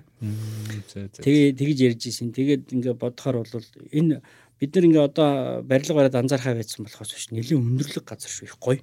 Үеимээр тавтахгүй. Тэгээд жоох доошоо жоох айжих урууд нь та нар ингээ анзаарсан бол. Тэгэхээр бол бид нар нөгөө одоо ингээ хот барьчихаар уугуул байсан тэр байгалийнх нь одоо тэр эко унган төрх. Унган төрхийг бол бид нэрээс олж харж чадахгүй болчиход байгаа байхгүй. Тэгээ яг одоо энэ Улаанбаатар хотын түүхийг намайг одоо мэддэг болоход бол хамгийн их тус болсон хүн бол одоо манай зураач Намхаа Цэрэнгон хүү бас одоо зураач Санчир ах байна л да. Аа сая бас өнгөрсөн. Тэгээ сая өнгөрсөн 11 сард тал болсон. Манай Санчир ах бол одоо ерөөсөө Улаанбаатар хотын амьд түүх. Одоо юу байсан ямар учиртай. Одоо та нар мэдхүү энэ Бит хоёр ярьжсэн л да оруулна гэд. Тэгээ харин тийм тий та нар жаахан жаахан ацарч тий. Энэ Маршал Чойволсонгийн өргөөг бол э, Монгол шинэ Монгол улс байгуулах гэсэн 25 жил яваа 46 онд одоо энэ баг тэнгэр их тэнгэрийн хуучин юунууд нэлийн хэдэн том бүтээн байгуулалт хийхдээ энэ Маршал Чойволсонгийн өргөөг барьсан байхгүй юу? Тэг бид нар ч юм тэр коммунизм часвалан коммунизм байгаа гэж ойлгоод байгаа шүү дээ. Гэтэл та нар одоо явахдаа анзаараарай. Хоёр гулдаан байгаа хаалга. Одоо тэр Маршал Чойволсон гөргөр ордог хоёр хаалга. Хоёр хаалганыхын дээд талд цагаан сүлд хийсэн байдаг. Гэтэ тэр чинь сая хэдэн жилийн өмнө улаанаар будаа шүү. Уржнан улаанаар будаа. Чин одоо тийм болгоо хийсэн. Ер нь тэрийг бол хүн чинь анзаараагүй юм байна. Коммунизм үеч ер нь тэр Монголд Улаанбаатарт одоо энэ бүр Чингис мессеж бүр хүчээр мартах гэдэг бүх юм устгсан гэдэг хахад л мэдээж тэр хаалгаар чи орж гарчлаа шүү. Тэгээ бодохоор бол тэр нэг хааны уламжил гэдэг юм уу тэр зүйлээ бол ер нь алдаагүй. За дараа нь энэ Улаанбаатар хот бас ингэж хот болж одоо тогтоход одоо хамгийн том үзүүлсэн нөлөө бол Сүхбаатарын өшөө. За бид нар бол энэ Сүхбаатарын өшөөг бол коммунизмын үед бол их олон янзаар тайлбарладаг л да. Одоо ингээ нэгэрсэн чи морин шийдсэн, тэнд нь газ шаацсан. Тэгээд ингээ хөшөө ярьцэн гинлээ энэ тэргээл те. Тэр бичвэр дотор яг үндэ нэг юм нууц тийм кодлол байна гэж. Бэн бэн бэн. Давин чин код байна шүү. За тэр чинь бол ийм байлээ. Дэлхийн 2 дугаар дайн болоод Тэгээ тэр дайны үе чинь бол хин ялах ялахгүй тодорхойгүй тий. Одоо хэнийг балиа шалах нь тодорхойгүй. Айгу хэцүү байгаа шүү дээ. Орой олгон тэгээд өстой бараг л харавчих гал ингээд байжсэн. Тэгээд манай санчирахын аав бол тэр цемент Монголын анхны цементийг одоо тэр хөшөөг барихад хийж байгаа юм л да. Хийсэн юм байл л дээ. Зөв зөв. Өөрөө одоо ном уншиж байгаа цемент. Манай тэр намха зэрэнгойг бол нэг гүүр бариад тэр гүүрээ 30 жилийн гарант өгсөн чи хэрвээ 30 жилээс наан одоо нурах юм бол буудаж шүү гэдэг одоо тэр үед бол тийм баруун Монгол инженер байхгүй боловсролтой хүн байхгүй тий. Тэгээ ерөөсөө тэгэл германаар ном уншиж чагаад барьсан гэж байна шүү дээ. Тэгээ тэрнтэй айлхан тэр хүн бол одоо германы тийм барилгын ном уншиж чагаад цементийг яаж хийх вэ гэдэг байрлахыг нь олоод тэгээ энийг хийсэн энэ хөшөөг хийжээ. Тэгээ энэ хөшөөг хийхдээ хийсэн бас тэр гар орчууд тий. Гар орчуудын бас нэг настай хүн намайг 86 онд ч тийм жоохон хөвгт байхад 85 6 оны үед лөө нэг тэр үеч нөгөө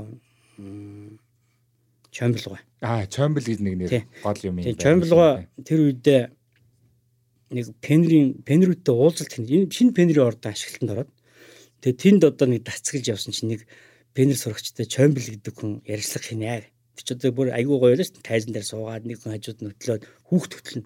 Тэг хүүхдүүд нь сууж байгаад үздэг. Юу 86 оны шинэ пенерийн ордон байгуулагч үед Монгол улсад хүүхчийг ирэх чөлөөтэй хүүхчийг ирэх дарахтай хүн байгаагүй шүү. Ёстой сайхан байсан. Тэгээ нөгөөнөөс асуудаг байхгүй. Та одоо ингээд одоо бид пенерүүд бидэнд одоо энэ хөшөөний тухай хамгийн гоё юм ярьж өгөөч хэлдэгсэн чинь. Ингээд энэ 12 арслан хийс юм аа. 12 арслан хийгээд 12 арсландаа зуулгаараа гээд маршал чойвс надад 12 алтан зоос өгöd. Тэгээ би арслангийнхаа аманд нь зулгаж цутгсан гэж ярьдаг байхгүй. Тэгээ тэр үед одоо нэг хүүхдүүд юм дийггүй. Ерөөсөө энэ ойлгож байгаа нь бол ерөөсөө энэ Сүхбаатарын өшөөний арслан эвдэх юм бол амнаас нь алтан зоос гарч ийн гэдэг тийм одоо юм л ойлгох талтанд үлдсэн байдаг байхгүй. За тэр ч одоо дүүрч. Тэгээд энэ яг одоо жинхэнэ болсон учир нь бол энэ Сүхбаатарын хөшөө бол яг энэ дэлхийн 20 дугаар дайны үед бол энэ хилийн цаана одоо Хянган аймагт одоо Улаан хот гэж байдаг өр Монголд. Энд бол Япончууд бол тэр өөрсдийн колонд байсан Манжгаа улсын хүмүүсээс хүн бүрээс 2 ян татаж цуглаад анхны энэ Чингис хааны тахилгын сүм гэдгийг барихгүй. Одоо орц орцоос өмнө Япончууд яагаад гэсэн юм? Энэ чинь Вальтер Хасиг гэдэг Хайсиг гэдэг Германы одоо монголч эрдэмтэн тэр үед фюрерийн зөв юу тушаалаар ирж одоо японочдод монголчуудыг одоо хэрхэн татах вэ? Тэр монголыг амар судалсан том эрдэмтэн хүн байсан байхгүй. Ингээ энэ хоёр хүн чинь одоо энэ халах голоос цаашаа нэг 2 300 км-т байгаа тэр Улаан хот гэдэг тэр үеийн өвөр Монголын одоо Хянган аймгийн төвлөлтөө тэнд одоо ч байна. Тэр Чингис хааны одоо 9 им оройтой 3 3 юм барилгатай юм гой сүм одоо ч байдаг байхгүй. Тэгээ Чингис хааны хөшөөтэй. Ингээд ирсэн чинь монголчууд бол ерөнхийдөө нэг хоёр зүйл татагдаад Монгол Монголоос том дөрвөлт болсон байгаа. Нэг нь бол энэ Шилийн хотод Банчин богд дөнхрийн он тавихад бол 40 мянган монгол хүн гараад ороод ирсэн. Ингээд бол энэ хил хязгаарыг чангалахгүй болохгүй гэж бодсон. Хоёрдугаарт бол үндсэндээ тэнд одоо Чингис хааны сүм барьсан гэдгийг сонсоод бол энэ 20 дугаар зууны монголчууд бол их том цочор мэдээлэлсэн байгаа. А тийш ер нь хүний алдчих магадгүй гэж айсан учраас Чингис хаантай энэ тэнцвүүц одоо Монгол улсын идеалыг бий болгох юм бол одоо Сүхбаатарын хөвшөөг бариад тэгээд тэрийг 12 арслан ингэж одоо сахина гэдэг чинь одоо буддийн шний хууль ёсоор л хаан гэсэн үг байхгүй юу? Тэр үеийн хүмүүс чинь одоо бид нар 12 арслан байдаг гэж харж байгаа болохоос тэр үеийн хүн чинь 12 арслан байх л энэ ч одоо хаан Сүхбаатар гэдэг чинь бидний хаан байсан юм гэж ойлгохоор тийм пропаганда бас 14 арслан бас оруулж байна. Тийм шүү дээ. Тэгэхгүй тэр үеийн хүмүүс нь нийтээр л буддийн шинтэй хүмүүс байна шүү дээ. За энэ Сүхбаатарын өшөө чинь ер нь 14 өшөөтэй гэж яриад байдаг санаад байна. 12 арслантай гэж тоол үзээрэй. 12. 12 арслантай. Ингээ одоо ч тийм байгаа шүү дээ. За ингээд нөгөө Сүхбаатарын хөшөөг бол энийг бол одоо бас энэ манай ах нар ярьдаг л да. Одоо зураач тэр үед амьд байсан хүмүүс энэ төр бас яар. Тэр хүмүүс ингээд тэр үеч юм одоо протокол, хурлын протокол дээр үлдээгүү ч гэдэг юм уу цөөхрийн хүрээнд бол одоо бас нэг тийм асуудал асуудал үүсчээ. Нөгөө Сүхбаатарын хөшөөг ингээд хийтэл гарын хайш нь хандуулах вэ гэдэг чи одоо том асуудал болоод хэдэн өдрийн хурал болж гинэ. Тэгээд тэрэнд бол ер нь бол дэлхийн 2 дугаар дайны үед бол нөгөө чой болсон бол доронтод их анхаарсан. 39 оны Японы дайн болсон. Тэгээд хүмүүс нааш их дөрвсөн шүү дээ. Тэгээд тэр бүс нутагт бол одоо хүнийг буцааж сууршуулханд одоогийн чой болсон хот ч юм бол та нар очиод үзээрэй. Музейн 40 50 оны зураач нар дандаа доронтын зураач нар. За тэгээд тэр Доронтын тэр театр, театр, урлаг энэ төр тасархай шүү. Тэр үед л баг Улаанбаатараас илүү хүчтэй байсан байхгүй. Бас их бүрээд тийм. Тэр чин цаанаас нь одоо өвөр Монголын одоо чууд чинь Япон Шанхайд босрол орцсон өвөр монголчууд ороод ирж хойноос Оросын босролтой боридууд ороод ирж ер нь л соёлын асар том төв байсан юм бэл. За ингээд чойволсон бол өөрхий өөрөө одоо энэ Хянган аймгийн хүн. Ер нь өөрөө бол өвөр Монголыг бас буцаагаад авчна. Ер нь бол тэр үедээ бол тэр Чойрсингийн толгойд би бас харж бодож байгаа юм бол хаан болох нь л гоё гэсэн болохоос ямар нэгэн ерөнхийлөгч парламент юм тэр засаглалын хэлбэрийн үүрэг оройл тодорхой байгаагүй. Тэр хідээрч хаан тусуу зөндөө байсан. Тэгээ дэлхийн ойлгоод дайны дараах дахин хуваарлт тэрнээс хойш хүр дагаврыг л бид нэр ярьж байгаа болохоос яг тэр үеийн хүмүүсийн одоо юуг ярьж чадахгүй юм л да. Бодол сэтгэхүй ханд. Тийм хандлага тэр. Тэгээ тэр үед нь болж исэн халуун үйл явдагч бас сайн мэдгүй. Яг бичиж үлдээгээгүй байхгүй. А тийм би яг одоо ингээд нэг ховын шинжтэй юм ярих гэдэг нь шүү дээ. Нөгөө ингээд э, Монгол ардын намын төв орныхон хуралджээ. Тэгсэн чинь нэг таваар шилсэн гинэ. санал гаргаад өө ерөөсөө энэ бид нар энэ Бээжинтэй холбоотой бид нар ч одоо ар Бээжин гэдэг юм чи ерөөсөө Бээжин лөө энэ Сүхбаатарын гарыг ингээ хандуулчих гэсэн гинэ. Тэгэл хурал ингээ одоо ингээл маргалцаар агаал дуусаал өглөө босон чи нөгөө нөхрийг будчихсан байсан гэж. Тэгс дараа нэг далдгар багийн шааж ирсэн л. Ерөөсөө бид нар алтан Москва руугаа харуулна гэж шаасан гинэ. Маргаашийн хурал дэрэг гэж байна. Ямар шалтгаан тэр өгөн бүүм. Тэгтээ яг нь амьд нь амьд гэж байгаа. Тэгээ нөгөө тэр хурал сууж хүмүүс бүгд айчихгүй юм. Аа.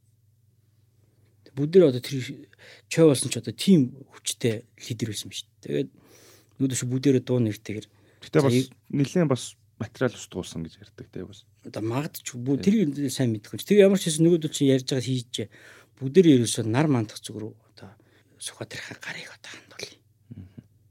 Гэтэ энэ бол Япон руу биш үү? Тэр чинь бас яаж хийцээ Япон руу болчих гээд. Тэгсэн чинь хэлсэн гэж Наран байгаа ус байхгүй. руугаа. Тэгсэн чинь хэлсэн гэж байгаа. За за тэр ерөөсөө энэ Чойвэлсэн руу Чойвэлсийнхаа одоо Чойвэлсэн аймаг гэж байсан тэр үед нэг Сүхбаатар дорногч байгаагүй. Чойвэлсэн аймаг руу гэхээр нь айгүй дарга нар хэлсэн гэж байна Чойвэлсэн. За тэгэд миний нутаг мутагч яах өвөөгийнхэн байгаа газар л бол гарын сунгаж та. Тэгээ тохирчгүй гэдэг бүгдээрээ аюу юм нэгдэлдэг. Ингээд бол та нар одоо ингээд Сүхбаатарын хөшиг хараарай. За Сүхбаатарын хөшиг ингээд харах юм бол эргэн тойронд 12 арслантай хааны сандатай. Тэгээд морь морь унсан. Морин цэргийн жанжинги чинь хаан хүн чинь дандаа тий морин цэргийн жанжууны хизэж явган бүтээдэг баг. Одоо Чингис хааны хөшиг ингээл хүмүүс ингээл хэлээл явган ингэ сандал дээр ингээл нэг лаглайтал суулцсан нэг юм хүн болгоож болох гэдэг байхгүй? Тийм биш. Дэлхийн бүх одоо морин цэргийн жанжид Македони, Александр, тийм одоо Наполеон бүгд гой морьтой шүү. Гэтэл тэр морины хөдөлгөөн бас ямар байна? Бид чинь Монгол хүмүүс байгаа шүү. Гэтэл бол одоо ингээд энэ ширхэн цэг уулын одоо орой дээр ингээд гаргас гарсан ухаан онгор морьтой гарснаар ингээд та нар одоо зарим сонсооч байх л та. Одоо биднийг л одоо э, Жанжин Сүхбаатарын нэрмж нэг баатарчууд явах үед тий дөнгөж нэг хоёрдугаар ангид байхад бид нэр заасан шүү дээ. 82 онд намайг одоо 13 дугаар сургууль нэгдүгээр ангид ороход шууд баатарчууд эсвэл би одоо ба юунийч баатар болж байгаа бид ингэхдээ нэг тэмдэг зүгэл тэгэл ер нь хизээд бэлхэн гэж нэг ёсолдог болоо. Тэгэл Сүхбаатарын хашиг гэж хараал манараал. Тэгэл ерөөсө пропаганда өнөөдөр боловсролд ямар ч пропаганда байхгүй болохос ямар ч цаг үед ямар ч улсад бол пропаганда байх ёстой. Тэгжиж тэр улсын чинь хүнийг тэр улс бас хайртай болгож шít. Одоо бид нар бол хичдэг хичтгэхий ингээл одоо юу юм контр монтр яасан те? Бацаанууд. Тэг би гайхаад контр яах вэ? Маж бас нэг Сүхбаатар гэдэг нэг тавар шийсэн шүү дээ одоо та нар хардаа за ингээд Сүхбаатарын өшөөний одоо хоёр талд одоо бичиг байгаа шүү дээ. Монгол бичгээр. Чисээс гадна хоёр талд нь бас юу гэдэг вэ? Мэдхүү. Одоо яг тол- та нар шаарахгүй контри юу гэдэг. Юу та нартай юу ярих те. тэр чинь нэг юм дүрслэл зураг байгаа шүү дээ. Яа. Гэж хэлээ. Мозаик яг релип бур. Релип бурлаг. За энэ релип бурлаг чинь ямар очтой юм хэр? Энэ нөгөө нэг тэр үеийн хүмүүс чинь Сүхбаатарын хөшөөг Монголын одоо хаан Чингис хааны хөшөө гэж ойлгож байгаа хгүй. Чингис хааны хөшөө шиг одоо хүлээж авч ойлгож байна гэсэн. Ойлгохын тулд ард түмэндээ ойлгуулахын тулд тэр Чингис хааны шүтэн зургийн уламжлал гэдэг тэр уламжлалт байдаг.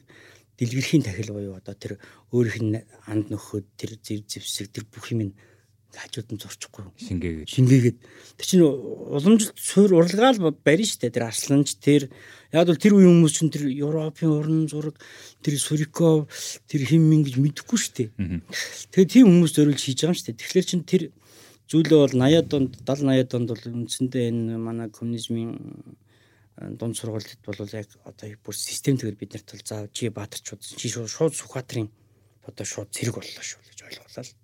Энэ дээр нь Сүхбаатарын зургата таван шууд зүйлгээл.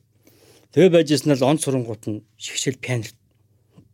Пианероос нь шигшэл он сурахаар нь э, эвлэлд хийсүүлэл тэгэл тэр э, сургуулаар яваагүй юм чинь тэгэл паслагдал одоо темс мемс те хөдөө малчин залчин болоод ингээл явдаг. Ерөөсө тэр нийгмийн хуваагдлыг ингээд гоёх боловсрын системийн тэр үеэр ингээд сорын ингээд сорчлоод тэгээд нь мэдээж нам амаар дамжаад ингээд явахаар Тэгээ тархийн угаа. тархийг угаадаг байсан байхгүй юу.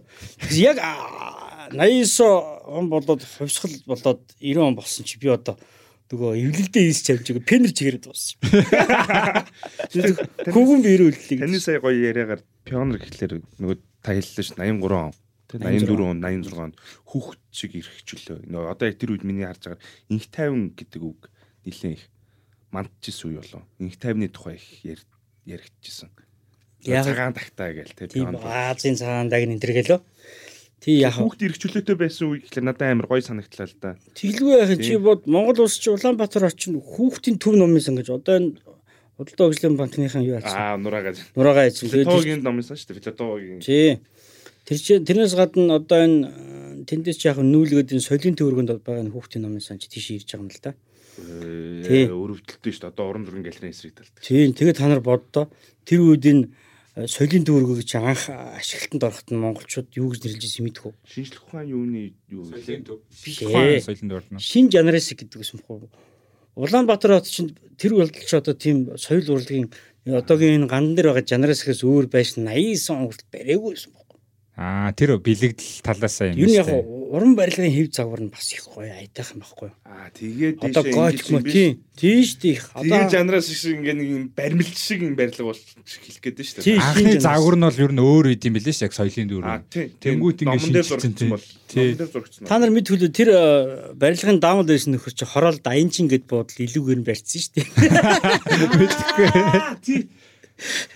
Бас тэгвэл структур нь яг адилхан байхгүй тэр хоёр чинь төс. Тэр нөхөр бол нэлээд том арай алгатай нэлээд том авилгалцсан нөхөр байсан шүү. Тэгээ 88 89 он дээр барьж байгаа гэсэн юм уу? Тийм шүү дээ 90 оны ихээр аянчин гэж одоо хороолын хамгийн анхны зочд юм арчил гараагүй байх гэсэн юм шүү дээ. Хамгийн анхны private зочд бол шүү тэр чинь хувийн Хаана үдэ аяж гэдэг чинь. одоо тэр Модны хоёрын дээшээ 50 дугаар байрны ажууд үү. Аа за за за. Гиснээс э, юу одоо энэ скватрын өшөө чинь яг анх баригдсан загварын одоо сая нөгөө 2012 үл 13 онд өөрчлөөд тэгээ яг нөгөө их анхны загвар нөгөө одоо энэ дунд говийн хиний. заваа дамжин ирэн Тэр бүтэн. нь яг тэр түүх айгуу сонь. Гэтэл бол манай коммунистууд бол айгуу хогийн зан гаргасан. Аа. Тэгэд яг уу тэрийг үстэй те солих болсон шалтгаан тэр бүх зүйлийг бол нэг ер нь яг хугацаанд дууссан байсан л та. Гэтэ тэр маш сайн одоо цемент гэдэг юм одоо тийм хийцтэй байсан учраас тисэд исэн. Гэтэ одоо зүгээр би тэр дэлгэрийн чар дээр авчид тавьсан байгаа тэр бүх арслан марслангууд Сүхбаатарын тэр чи аваачаад гогийн зэг дээр хийчихсэн байхгүй. Хот тогчлохын хашаанд авчиж хийсэн байсан. Тэндээс нь тийм тэндээс нь тэр харин лам аваачаад тэгээ манай санчирхоо очиж бүцээсэн шүү дээ. аа зөв зөв зөв. Тэгээ тэдний чинь бүх арслангуудын үндсэндээ одоо тэр томхон хүний гар өрөхгүй тийм готик баануудаар тавьсан харсан уу тий бүх Тийм биш. арслангуудын Тийм гэсэн. Би яг очиж бол ер нь хараа очиж бол- үзэх юмсан л гэж тэгэл бодлоо. э, надаа бол энэ комиссууд их цэвдэг хүмүүс юм байна гэж би ойлгосон. Яг тэр үед бол яг Санжин баяр ерөнхийсэд байсан санагдаж байна. Санжин баяраас энэ нэг сэтгүүлч асуусан юм аа. Тэгэхэд их дургүй байсан шүү. Тэгээ яг тэр нэг одоо нэг шүншиг гэх юм уу одоо шүншиг гэдэг зүйлийг чи юу гэдэг юм тэр нэг амьд зүйл нь одоо байхгүй болсон юм л гэж хардсан. Тэрнээс хойш би одоо зүгээр ингээл өглөө болгон би ингээл нэг Сүхбаатарын талбай очиод нэг Сүхбаатарын хөшөөгөө нэг хэд тойроо талбайг нэг хэд тойрдог л доо. Би гэрж ойрох юм. Тэгэл нэг өглөөдөө бас нэг хүн чинь бас нэг жоохон хөдөлгөөнтэй баймаар байх юм. Тэг яг би э, Чингис хааны эзэн сан гэдэг нэг эзэн сан өглөөдөө нэг 5 удаа нэг бүр 25 минут э, Чингис хааныхаа дүрийг харж байгаад нэг уншдаг байхгүй юу. Тэг яг тэ тэгээд одоо э, би чи галзуу хүн гэж хэлж болно намайг хоцрогдсон хүн гэж хэлж болно. Тэгтэл би бол ерөнхийдөө э танаас нэг юм асууйдаг уу. За. Би сүүлийн 3 4 4 500 жилийн энэ бичиг материалууд гэх юм одоо яг энэ их бичвэр үлдсэн энэ архив дээр архивтай гэх юм уу номын санд бол нэлээд суусан л би архивт нэг суудаг. Ер нь миний ихэнх амьдрал номын санд өнгөрсөн.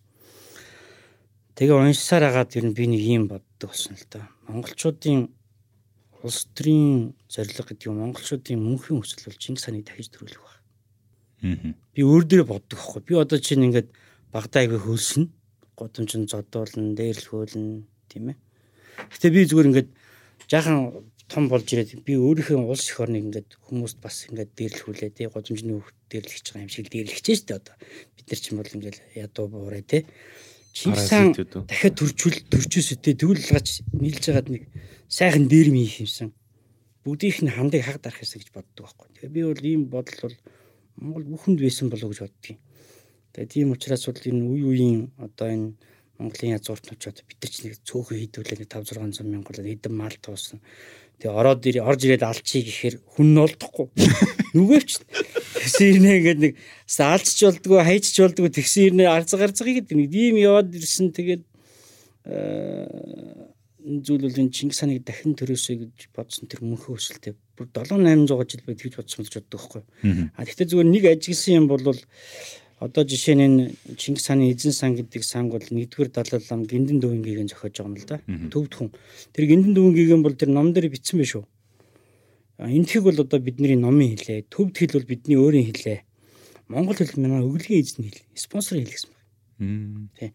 А тэгээд тэр үед яасан бэ нөхөр нөгөө юан улс садраад унсан чинь 1368 онд нөгөө амар баян тарган цатгалын хідүү өрөө одоо бүгдээр миллионер болцсон тий. Таварыг одоо тэгээд алтуургийнхан. Алтуургийнхан гэдэг нөхдөч юм бол нөгөө гахай нүцгэн нохоо явган гэдэг үлээ тий. Ирж байгаа байхгүй нартай зевсэг байхгүй, морь байхгүй, цэрэг байхгүй, нөхөр байхгүй тий. Тэр хідэн хөвдөж тугцсан хідэн амт тий. Арих гэж амт аваад ирэхгүй юу? Тэгэл яг эндээс яг асууя л да. Одоо яг ер нь энэ ингээд богд те далайлам энэ банчин богд гэдэг энэ буддизмын яг энэ хотогт хүмүүс тодруулдаг те одоо энэ ер нь нэг талаас бид нар шарын шинж гэж ярьдаг энэ зүйлүүд яг тухайн үеэс ер нь яаж хизээ ингээ Монголд ийм илүү ийм одоо бидний ийм одоо шашин гол хэм маяг болсон юм ба. Одоо яг ингээ Чингис хааны үе эзэнт гүрний үеигээ ярахаар бид нар бол нөгөө тэнгэрээ шүтдэг бөө гэдэг талаасаа байдаг те. Тэгэхээр яг та энэ нэг ихлэл үүслийн яагаад ингээд богд гэж хүн ингээд дахиад үрдээ. Одоо сая 10 дугаар богд гэж төрлөө. Анхны богд бол Занод зэр гэж байна. За Далай лам анхны Далай лам нь монголчууд ингээд далай гэдэг нэр өгсөн төвдөөс хийж тодорсон юм байна. Энэ энэ нэг юмнуудыг та ингээд нэг анханаас нь ингээд нэг яг сонсож байгаа хүмүүст бид нар бол нэг юм хагас дутуу ойлголттой ингээд ийм байдаг юм байна. Ийм байгаа болохоор ингээд одоо ойлгох хэвээр дэмжих хэвээр гэл ингээд нэг автоматар сэтгэцэн байгаа шүү дээ. Одоо миний хувьд бол миний мэдлэгч гэсэн яг яг хувийн талаас бол тийм л ойлголттой байна. Тий, нарийн судлаагүй. Монголд бол ерөөсөө Тэгэхээр та энийг яг ихлэл орчлоос нь яг саяын дүүх дээрээс баг эхлэх байх гэж би ер нь баг бодож байна. За Улаанбаатар хотыг орхиё гэж бодъё. Улаанбаатар хот эргээд ирээ. Улаанбаатар хот бол хааш хаашаага 1000 км газар өөр одоо өрсөлдөх мега сити гэх юм одоо сая хүнтэй ч юм том хот байхгүй. Саяхан бол одоо ч тийм. Ер нь дэлхийн хойд өргөргийн хамгийн тийм ааслагдсан гэдэг юм бөглөө байхгүй. Энэ 1000 км чинь одоо хүн амьтан байтугад ямар ч соёл хинч байсан одоо онгоцоор нисч ирдэг юм бол бүгд л eerил өхөн шүү дээ. Гацаал хатаж өхөн шүү дээ тий. Ядраад өхөн. А ер нь энэ давуу тал чи яаж ийм хөлтөр Улаанбаатар хотоос хааш хаашаага 1000 км-тэй шүү дээ. Маш хатуу ширүүн уур амьсгалтай энэ нөхцөлд дөрвөн үйлрэлтэй энэ нөхцөлд 145хан хоног үргэлжилт ийм нөхцөлд шүү дээ. Ямар ч шашин юм уу бурхан төрөх аргагүй байхгүй Энд бол зөвхөн энд байгаа хүн одоо шүлсээр уун тий шүдний махаар хоол игээд байгаль дээр тис шүлтгэл цорын ганцхан шашин байна. Тэндээс л эхэлнэ. За тэрэн дээр юу их дараа нэмэгдсэн гэхээр за тэнгэр гэж нэг юм байна. Газар гэж нэг юм. Энэ хоёр шүтнэ. Нь усын шүтнэ гэдэг асуудал. Тэгэхээр бол энэ Чингис хааны өмнөх энэ Кедан гэдэг улс бол бас юунасаа болж мөхсөн бэ гэдэг дээр бол судлаач нар ярьд юм л да. Бон гэдэг юм том шашин байжгаад Юндэн бон буюу хас бон, Дао бон буюу Дао гэдэг юм хоёр болоод салсан. Тэр хоёрын хоорондын тэмцлээс бол энэ Кедан гэдэг гүрэн өгчээ. Энэ хоёр бон гэдэг урсгалчин бол юун дээр үүссэн гэхэлэр ерөөсөө философийн суурь байхгүй юу? Хаспан буюу Чингис хааны талынхан бол ерөөсөө л усыг хамгаалнаа, усанд сүү тусааж болохгүй, усанд хэрэг угааж болохгүй тий. Тэг бүх усыг л ерөөсөө дээд зэрэг хайл. Гэхдээ усын хорл биш. Ерөөсөө ус усан дээр энэ ертөнц тогтно гэдэг одоо хамгийн минимал юуг барихгүй юу? А тэгсэн чинь даав бонгийнхан үгүй усыг хэрэглэнэ. Усаар чи ингээд тариагаа тарина. Ийм одоо цөөрөм үсгэнэ те. Хятад ч ерөөс даав бонтой хүмүүс тийм штэ. Ингээ энэ хоёроос одоо ингээд үүссэн ба. Тэгэхээр бол үндсэндээ өнөөдөр ч гэсэн Монгол хятад хоёр хүний одоо сэтгэхгүй болоод тэр их засаг хуульч одоо бол аяг хүчин төгөлдөр байгаа байхгүй. Оо усгүй болчихноо л гэдээ алцаад байгаа байхгүй монголчууд чинь. Тэр чинь хууль заалтны юм л хэсэг та улгаачудаа усаа хамгаалахгүй бол хохижүүл гэсэн тийм заалт байгаад тэр нь ерөөсөө ингээ автоматар. Тэг угаасаа энэ дунд амьдарч байгаа хүн чинь ус байхгүй бол мал байхгүй. Мал байхгүй бол би үүсч хүн. Ерөөсөө л энэ амьдралын төлөв тэмцэл. Гэтэ үнэн шүү дээ усгүй болж байгаа юм. Тий. Тэгэхээр бол 10 жилийн дараа юу болохыг бүү мэд. Улаанбаатар хотыг бол хүмүүс усгүй болно гэдэг гэвчиг бол энэ ардлын одоо манай энэ цуслангийн уулуудад байгаа энэ олон өндөр уулууд бол мөнгө цэвдэхтэй. За тэгэхэд энэ ус хуримтлах гүний ус хуримтлах нөөц бол нэлээд хангалттай л да. Асуудалгүй. За ингээд ингээд тий. За ингээд шашны тухай асуулт гарчсан. Тэгээ ингээд нөгөө нөхдөлчин бол монголчууд бол нөгөө нэг таруу таруу амьдрал та нар мэдэнтэй дөрвөн хам байла. За дээрэс нь ингээл тэр хүмүүс чинь бол нөгөө хоорондоо бай- байсан болохоор нэг бас нэг номын сан барих хэрэгтэй болсон. Тэгээ номын сан сангаа бол хэдүүлээ дундын бүс буюу одоо бүгдээрээ төвдөд очиж нэг одоо нэг жоохон мэрэг төлөг одоо ахун алсан нүгэл мүлээ найруулдаг газар дундын бүс болох тэр ласотод одоо тийм 2000 гаруй өрөөтэй тийм том номын сан барьж байна л да. Бариулж явахгүй юу? Ер нь одоо тэр чинь. тэр алтыг цуглуулж бариулсан ч болохоор юу? Ер нь э, тэр э, харин монголчууд тэр одоо ласын бодолоо ордныг барих алтыг өгж бариуллаа шүү дээ. Төвдүүд өөрсдөө барьсан юм биш. Ер нь харин яагаад анх ингээ ер нь нэг нөгөө буддын шинд ингээ төвдөлттэй. Яг л бид нар бичиг баримтаа хадгалах номын санг байхгүй дээ. Юу үргэчээд байхгүй. Нэг нөхөр нь очиод нүүдэлж нүүдэл Аха. нүүдэлч болохоор нөгөө соёлоо авч үлдээхгүй. Тийм, авчлалтын тулд гэдэг юм Тийм, нэг тийм юм барих хэрэгтэй болчиход. Тэгээд Тэгээ хол хол харж байгаа шүү дээ. Одоо Google Drive хэрэг болсон юм ба шүү дээ. тий, ер нь тэгээ тэнд дата баз юу. Тийм, За тэр дата базыг чинь бий болгоод төвд рүү очдөг болсон чинь төвдийн ингээд нэг олон одоо мастерууд сууж байна. Тэгээ нөгөө нөхдүүд дээр очил хашууд одоо хална шүү дээ хамаа өгшөө. Юу байна хэвээр. Нэг проблем байна. Манайс нэг жоохон өндөгөөд энэ хятадыг эзэлчил баян болчин тэр үед бас тооцоог ин хийн тий. Энэ Чингис ханыг одоо энэ дахин төрүүлэх ямар арга зам? Ямар техник вэ? Мм. Гойхгүй юу? Тэгээ нөгөөдөл чинь бол за би бол одоо ийм чадaltaй тий. Тэгээ нөгөө нөхдөл чинь бол ер нь одоо монголчууд бол бас нэлээд том бэлэг өгдөг байсан юм байл л дээ. Тэгээ биенийх нь хэмжээ Дөрдүүл тэгээ биений биений нэг жигнэд нөгөө талд нь алттай байд нөгөө талд нь бие нөгөө ингэ жигнэд тэгээ нөгөө алтын сүмд нөгөөд тэр ламаа аваад гэрлүүг авчдаг. Тэгээ гэртээ авчираад илүүгэр бариад монгол хэл зааж өгöd. Тэгээд нэг баг хата авцсан. Тэгээ нөгөө хүн чинь нөгөө монгол хүн чинь амар баян. Тэр нөгөө алт эрдэнэсээ энэ насанд эдэлж хэрглэж чадахгүй. Тэгээ хэлж байгаа байхгүй. За чи юу шүү нөхрөө жоохон монгол хэл сурчих. Тэгээд би одоо ингэж өхөн. Өхөд бол би одоо энэ баг хатныхаа хэвлээд одоо хүүхэд болж иргэж ирээд хойд насндаа одоо энийг эдлмээр байна. Энэ бол Америкт Америкт ч гэсэн тохиолсон байна. Америкч нь долларын сэтэм бол бүтэлхийг үзсэн. Тэгэл одоо цаашаа хайчих ямар сансарт нисэл сансарт нисэхээс өөр зугаад сэнгэл байхгүй болсон. Тэгээд 90-ад оны үед бол төвдүүдээр очиад асуусан чинь энэ нөгөө нийгмийн хэрэгцээ байж тэр шинжилгээ ухаан ч хөгжиж штэ. Манай Монголд бол одоо энэ ПОВА буюу одоо энэ өхлийн технологи бол их байдаг байхгүй юу? Яагаад ийм их байдаг юм гэхлээр тэр нөгөө дандаа хашрууд монголчууд баян байсан учраас тэр нь ч хөрөнгө оруулаад тэр шинжилгээ ухаан ч хөгжөөд өөрөө болоод авчихгүй юу? Тэгээ тийм болохоор энэ 90-ад онд 80-ад онд бол энэ төвд мөрдийн дармаасад барууных их очиод энэ сайтнууд асуусан юм байл л дээ. Өш өгш нь одоо энэ доллараар зарж амжихгүй хөгжих хөгжих шүү гэн. Нэг хойд наснда ингээд төрч мөрөд одоо энэ хүн л юм чинь тэгээ бас тийм хүсэл байгаа шүү дээ. Тэнгүүт л оо, манайс ч одоо уул байх нь байдаг юм аа. Хэдэн монголчууд хамаг одоо олигтынуудыг алтаар бодолж байгаа чинь тэнд л байна. Тэгээ манай одоо Чингис хаан ч гэсэн нөгөө Банчин богдоос баг мөнх наслах тийм орлуудаа наслах талаар чинь ярьсан хинээс байж асууж шүү дээ нөгөө. Чум хин хин блэ? Чанчун бом. Чанчун бомбас тий. Тэр нь хүн болгонд л тийм хүсэл байна. Монголчуудын тухайн үеийн хүсэл ирмэлцэл Угаасаа Тийм тийм л байсан юм тийм тий. монголчууд ч дэлхийн хүн төрөлхтөн болгоно.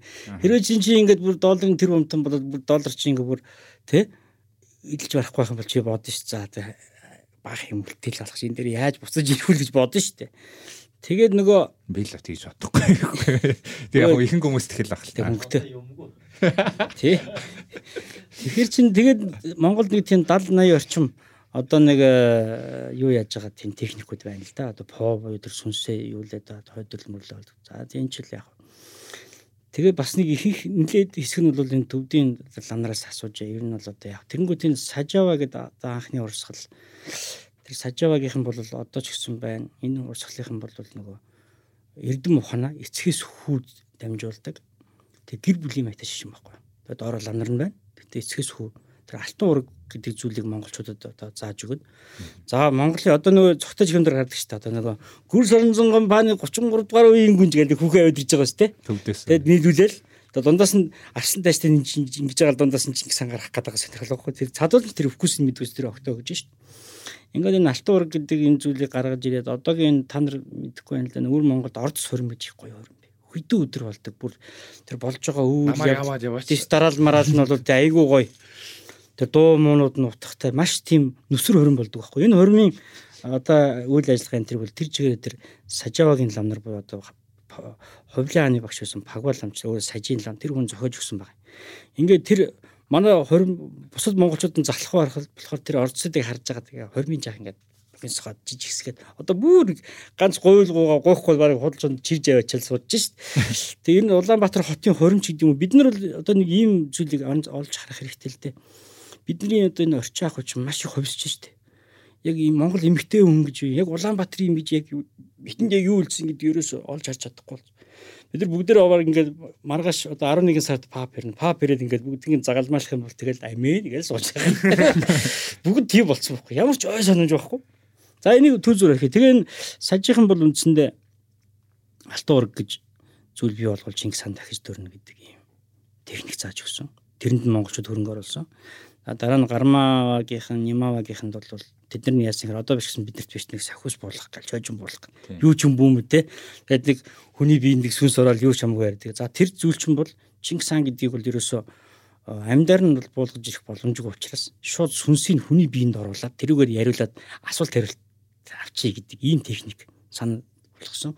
Энэ бол нэлээд бөөгөөс арай өөрөө тэр. Бөөгөөс арай өөр шүү. За тэгэнгүүт бонгийн шишнийхэн гэж байна л да. Одоо жинхэнэ одоо бөөнөр маань. Бөөнөр маань бол яасан хэр зүгээрээ зүгээр ингээд нэг гоё техно хөгжим тавиад те. Тэгээд рэп бүглээд те. Тэгжсэн аа баахан утаа тавиад утаа дамжаал цаач цаач буугаад ирнэ. Ийм технологи. Энэ бол нэлээд хуучны технологи байсан. Энэ бол монголчуудын суурь шашин байсан учраас энэ хүчтэй дэмжигдсэн. Хамгийн сүүлд энэ гэлэгвэ бол үгүй эний чи ингээд нэг хувилгаан хотогт хувилгаан гэдэг юм reincarnation буюу дахин төрөх те эрдэмтэй ухаантай хүнийг тодорлоод тэр хүнийх нь хойдох төрийг тодорхой доороо их сургууль шиг институттэй байх хэрэгтэй. Тэгжээж энэ хүн чинь ганцаараа биш тийм үү тэр институт буюу их сургуулийн үр шимээр Чингис хаан шиг болж чадна гэдэг нэлээд бодиттой одоо юу техник санал болгосон учраас дэмжигдсэн. Урт хугацаатай тий. Баталгаатай. Тий баталгаатай. Тэгэл ерөнхийдөө энэ монголчин ингээл одоо та нар ажиглал гараа хөдөө гадаа яваад очихоор сүүлийн 30 жилд бол монголчууд тэрээс салаагүй л шүү дээ. Яаж хийж байгаа л хитэн малтай нүтж жаахан байж л ирэхээр нийлж байгаа л сүм барина. Лам байхгүй ч хамаагүй.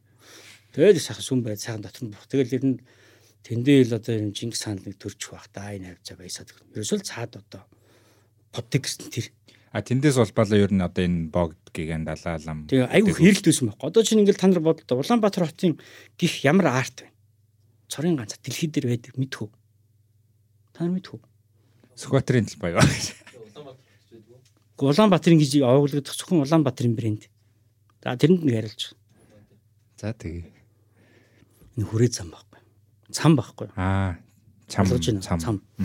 Энэ цамыг чинь гаргахын тулд яадын хэр богдыгоо золоод буюу нөгөө Чингис хааныхаа ер нь одоо бид нар бол энэ өндөргийг ингээд зан зэрэгэд байгаа нэгэ бид нар бол бүх сайн сайхан зүйл одоо тэр хүнтэй холбож тайлбарладаг тайлбар нь бол нэгдүгээр нь Улаанбаатар хотыг үндэслэн байгуул тэр хүн зориулж байгуулсан. Энэ Улаанбаатар хотыг бол сумын базар зориулж бариагүй, тэ амар сайхан зориулж бариагүй. Эний чинь богд гэдэг хүн зориулж байгуулсан байхгүй. Энэ хэд чинь бол одоо ирээд том том сагаарлаг болгож эдэрсэн зүгээр нэг юм уу Яг Улаанбаатар гэдэг нь одооны нэр боловч хуучин үе. Эсвэл Улаанбаатар хотод чинь анханасаа тэр хүрээ вэ, нийслэл хүрээ вэ, даа хүрээ вэ хамаагүй. Хүрээ өргөө. Ерөөсөө 300 Хэвлээ 70 80 жилийн өмнө ерөөсөө л өндөргийн гэдэг хүн 5 настай багтан зориул байрлсан. Тэр Улаанбаатар хот чинь нэгдүгээр хүн хин тэр богд. Энэ хот чинь тэр хүний өмч хотоо яар. Одоо энэ богд хааны ордон үзийч богдын өмч, чойжин ламын үзийч богдын өмч байхгүй юу? А нэг юм коммунист хураагаад авцсан. Нэг юм асуучих уу? Тэгэлтэй. Энэ богдын музей, чойжин ламын музейг одоо сая яг та коммунистууд гэлээ шүү дээ. Тэр ялгааны тухай ярих чинь. Тий, яг хөө мэдээж нэг талаас ямпа алга, нөгөө талаасаа одоо энэ яг тэр хилмигдүүлэлтийн үед одоо маш олон зуун буддын сүм хийдэг устгасан байхад одоо чоо болсон гоо яаж тэр одоо зөвлөлтийнхнаас одоо арга ухаан сийлж одоо энэ богд хааны ордон музей чойжин ламын сүм музейг ингэж хамгаалж авч үлдсэн байд юм бэ гэдэг юм янз бүрийн домог шиг янз бүрийн яриад энийг хоёр хов яри домог гэх юм уу тэгэж за тэгээд за 1924 онд 8 дугаар богд нас барсны дараа бол улсын өмчлөлт авсан юм. Улсын өмчлөлт авах болсон шалтгаан тэр үед Монголд ажиллаж исэн Израиль Михайлович Тубянский гэдэг одоо энтхэг судлаач мундаг эрдэмтэн хүн зөвлөхөр ирэхгүй юу. Тэр хүний ихнэр Анна Тубянская гэдэг хүн Богдхааны ордон музейн анхны одоо захирал болсон. Улсын өмч тавьчихгүй юу. Тэгээ шууд музей болгох захирал юу гарч байгаа юм. Тийм. Ерөөсөө улсын өмч болж байгаа. Улсын өмч болж байгаа.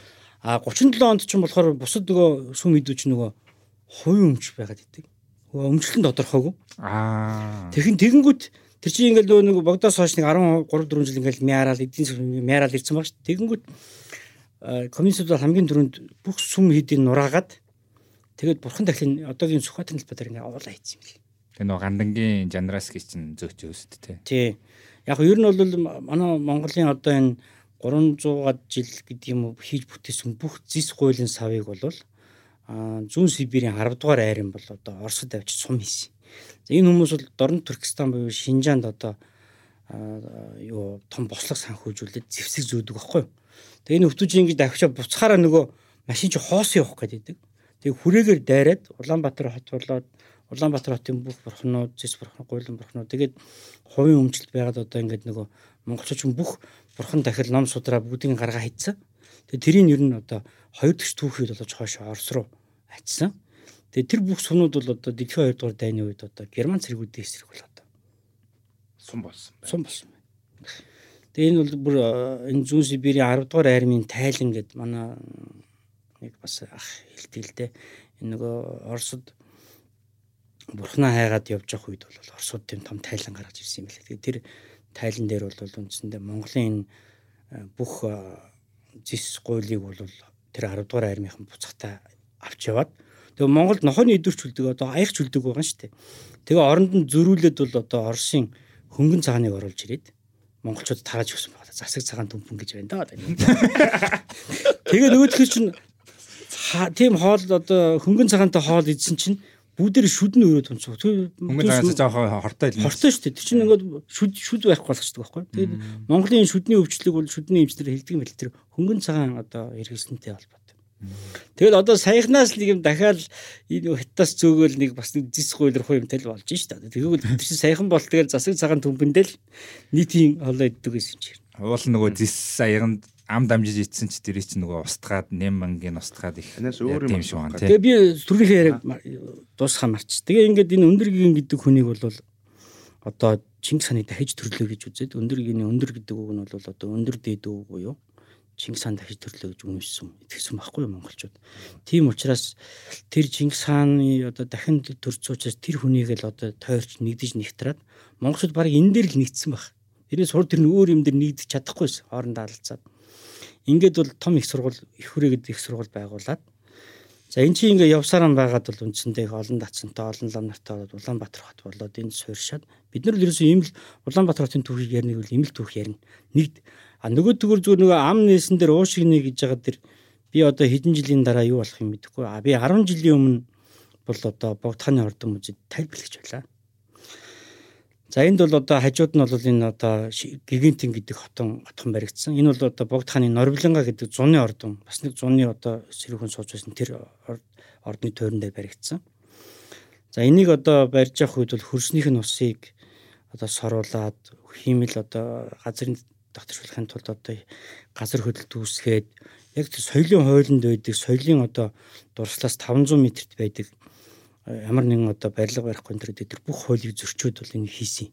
За үүний дараагаар бол үндсэндээ богд хааны ордны бүх тоосго суларсан. Хизээ хизээг нь ороход бэлэн. А тэгээ би зүгээр энэ дээр бол одоо дандаа өнгөрсөн үйлэрсэн баларсан юм яриад ягд тийм ээ. Өнөөдөр бол энэ цаг үед бол соёлын сайдаар бол Чинбатын номин гэж нэг хүн байна. Тэр үед бол би Цэдэв сүрэнгийн оюун гэрэл гэдэг бас соёлын яамны сайд байсан. Намайг тэр ажиллаж байгаа. Би тэр тухай яриад гэдэг юм уу ер нь тэр сайттайгаа ойлгосдгоо одоо соёлын саад гэдэг нэр өгөөд сайд биш. Энээс бол би ч одоо ажилласаа халагдсан шүү дээ. За өнөөдөр ч гэсэн би бол энэ номинд бол хандаж хэлэхэд бол үндсэндээ энэ богдхааны ордон болоо чойжин ламын музейг бол ийм байдалтай болох нь бид нар 10 жилийн дараа зөвхөн ийм байсан гэдэг өнгөрсөн цаг дээр ярина шүү. Энийний оронд одоо бас нэг тийм урим юу ч юм нэг юм босчихно. Тэгэхээр бол би энэ газар мазрыг харамлаад байгаа юм биш. Хамаагүй тийм ээ. Гол нь бол би юу харах гэдэг л энэ сүм хэд ийм сайхан уран барилга Улаанбаатар хотын 0 згийг одоо хойч ирээдүйд залуу үедээ одоо хүлээлгэж өхийн тулд бол одоо байнгын тэгээ тэр энэ уран барилгыг хайрлах тийм сэтгэлтэй хүмүүсийн гарт өгөхюмсан гэж боддог байхгүй. Одоо Бээжинг Бээжингийн төвд бол Юнхэ гүний сүм гэж байна. Очиж үзнэ үү? Гүү. За тэнд бол одоо Манжийн 3 хаан төрсөн. Тэгээд одоо Монгол зөвхөн Монгол ам нар одоо байдаг сүм байхгүй. Бээжингийн одоо тэр засгийн ордон буюу одоо манайхаар бол одоо төрийн ордных нь зүүн хойдолд иждэг. Тэгээд тэр төрийнхэн чөлөөтэй очин ном ном уншуулна. Тэгээд тэр газар чи яадын хэрэг штэ. Өглөөний 9 цагаас ахуулаад 17 цаг хүртэл жуулчанд үзүүлнэ. Хүн дуртай ороод үзээд гарна. Үүдэнд нь тасалбар авна. 17 цагаас өглөөний 9 цаг хүртэл намнар нь номоо уншин, арц хүжөө өгүүлнэ тийм үү. Тэгээд тэр хүмүүс чинь өөрсдөө тэр урхан тахлаа хадгалж ийн тэр сэлбэд засах юм а хийж ийн хөрөнгө хөрөнгө нь өөрөө тэр билетэж болж ийн тийм ээ тэр юунч ламдранч өөрсдөө тэрийг хамгаалж штэ. А тийхгүй юм бол нэг сайд гарч ирээд за би нэг сэргийн засварлана гэх юм бол 50% завчна. Тэгээд нэг 100 айлын би чадна ирээд тэгээд бүр одоо өмнөхөөс нь дордус нэг далийн юм босгоод тэг 14 хоногийн дараа нурна. Ийм л юм болно тийм болохоор бол би юу гэж хардیں хэр энэ хятадын хятадыг бид нар коммунистууд гэж байгаа боловч хятадчин бол тэр түүхэн дурсгалт газар уу тэр бурхан тахилтай сүм хэд гэдэг юм шүү дээ. Яг тэрийг нь байлгаад байна шүү дээ. Тэр ламнар нь тэрийг хийж лээ. Тэг хоёр одоо засаглалтай. Тийм учраас би өнөөдөр бол одоо 10 дугаар богд төрсэн тодорлоо энэ жилийн үед би 2023 оны хувьд бол би юу гэж бодож байна вэ гэхээр энийг одоо эзэн болсон 10 дугаар өгч ирээд 10 дугаар богд бол энэ ламнар суулгаад тэр ламнарын дотор амьдраад тий музик тэгээ нөгөө орхоор чи ингээд нэг тийм хүчвдэг хүүтэн биш те. Ядаж нэг сайхан ингээд зул зултай авжтай тэгээд ингээд яг сүм ямар л гэдэг тийм баймар байхгүй.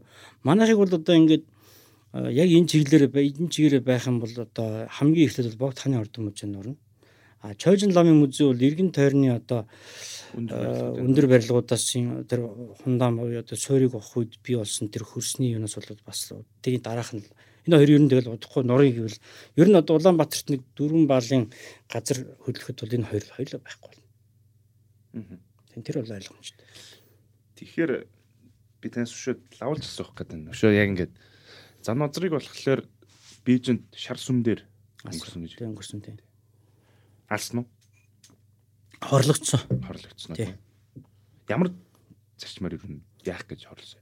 За яг ер нь одоо хорлогдох болсон шалтгаан бол нөгөө энэ хятадын түүхэнд бол хамгийн удаан хаан суусан хүн ч одоо инх хамглаан 56 жил хаан суусан гэдэг.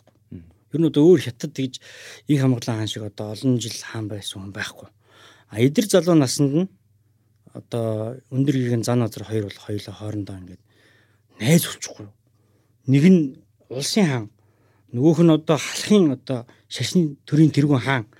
Гэхдээ бол ерөнхийдөө манжи үед бол тэр хоёрын хооронд одоо хоорондоо асар ийм нэгдэлтэй яг найз нөхөр шиг өөрийнх нь дээл хувцсыг адилхан хааны хувцс хүмүүс хүмүүсийг зөвшөөрөөд тийм тэрэж олон жил нөхөрлөөд хоёул олон асуудал шийдлээ шүү дээ. Ирчүүд шүү дээ тэр чинь.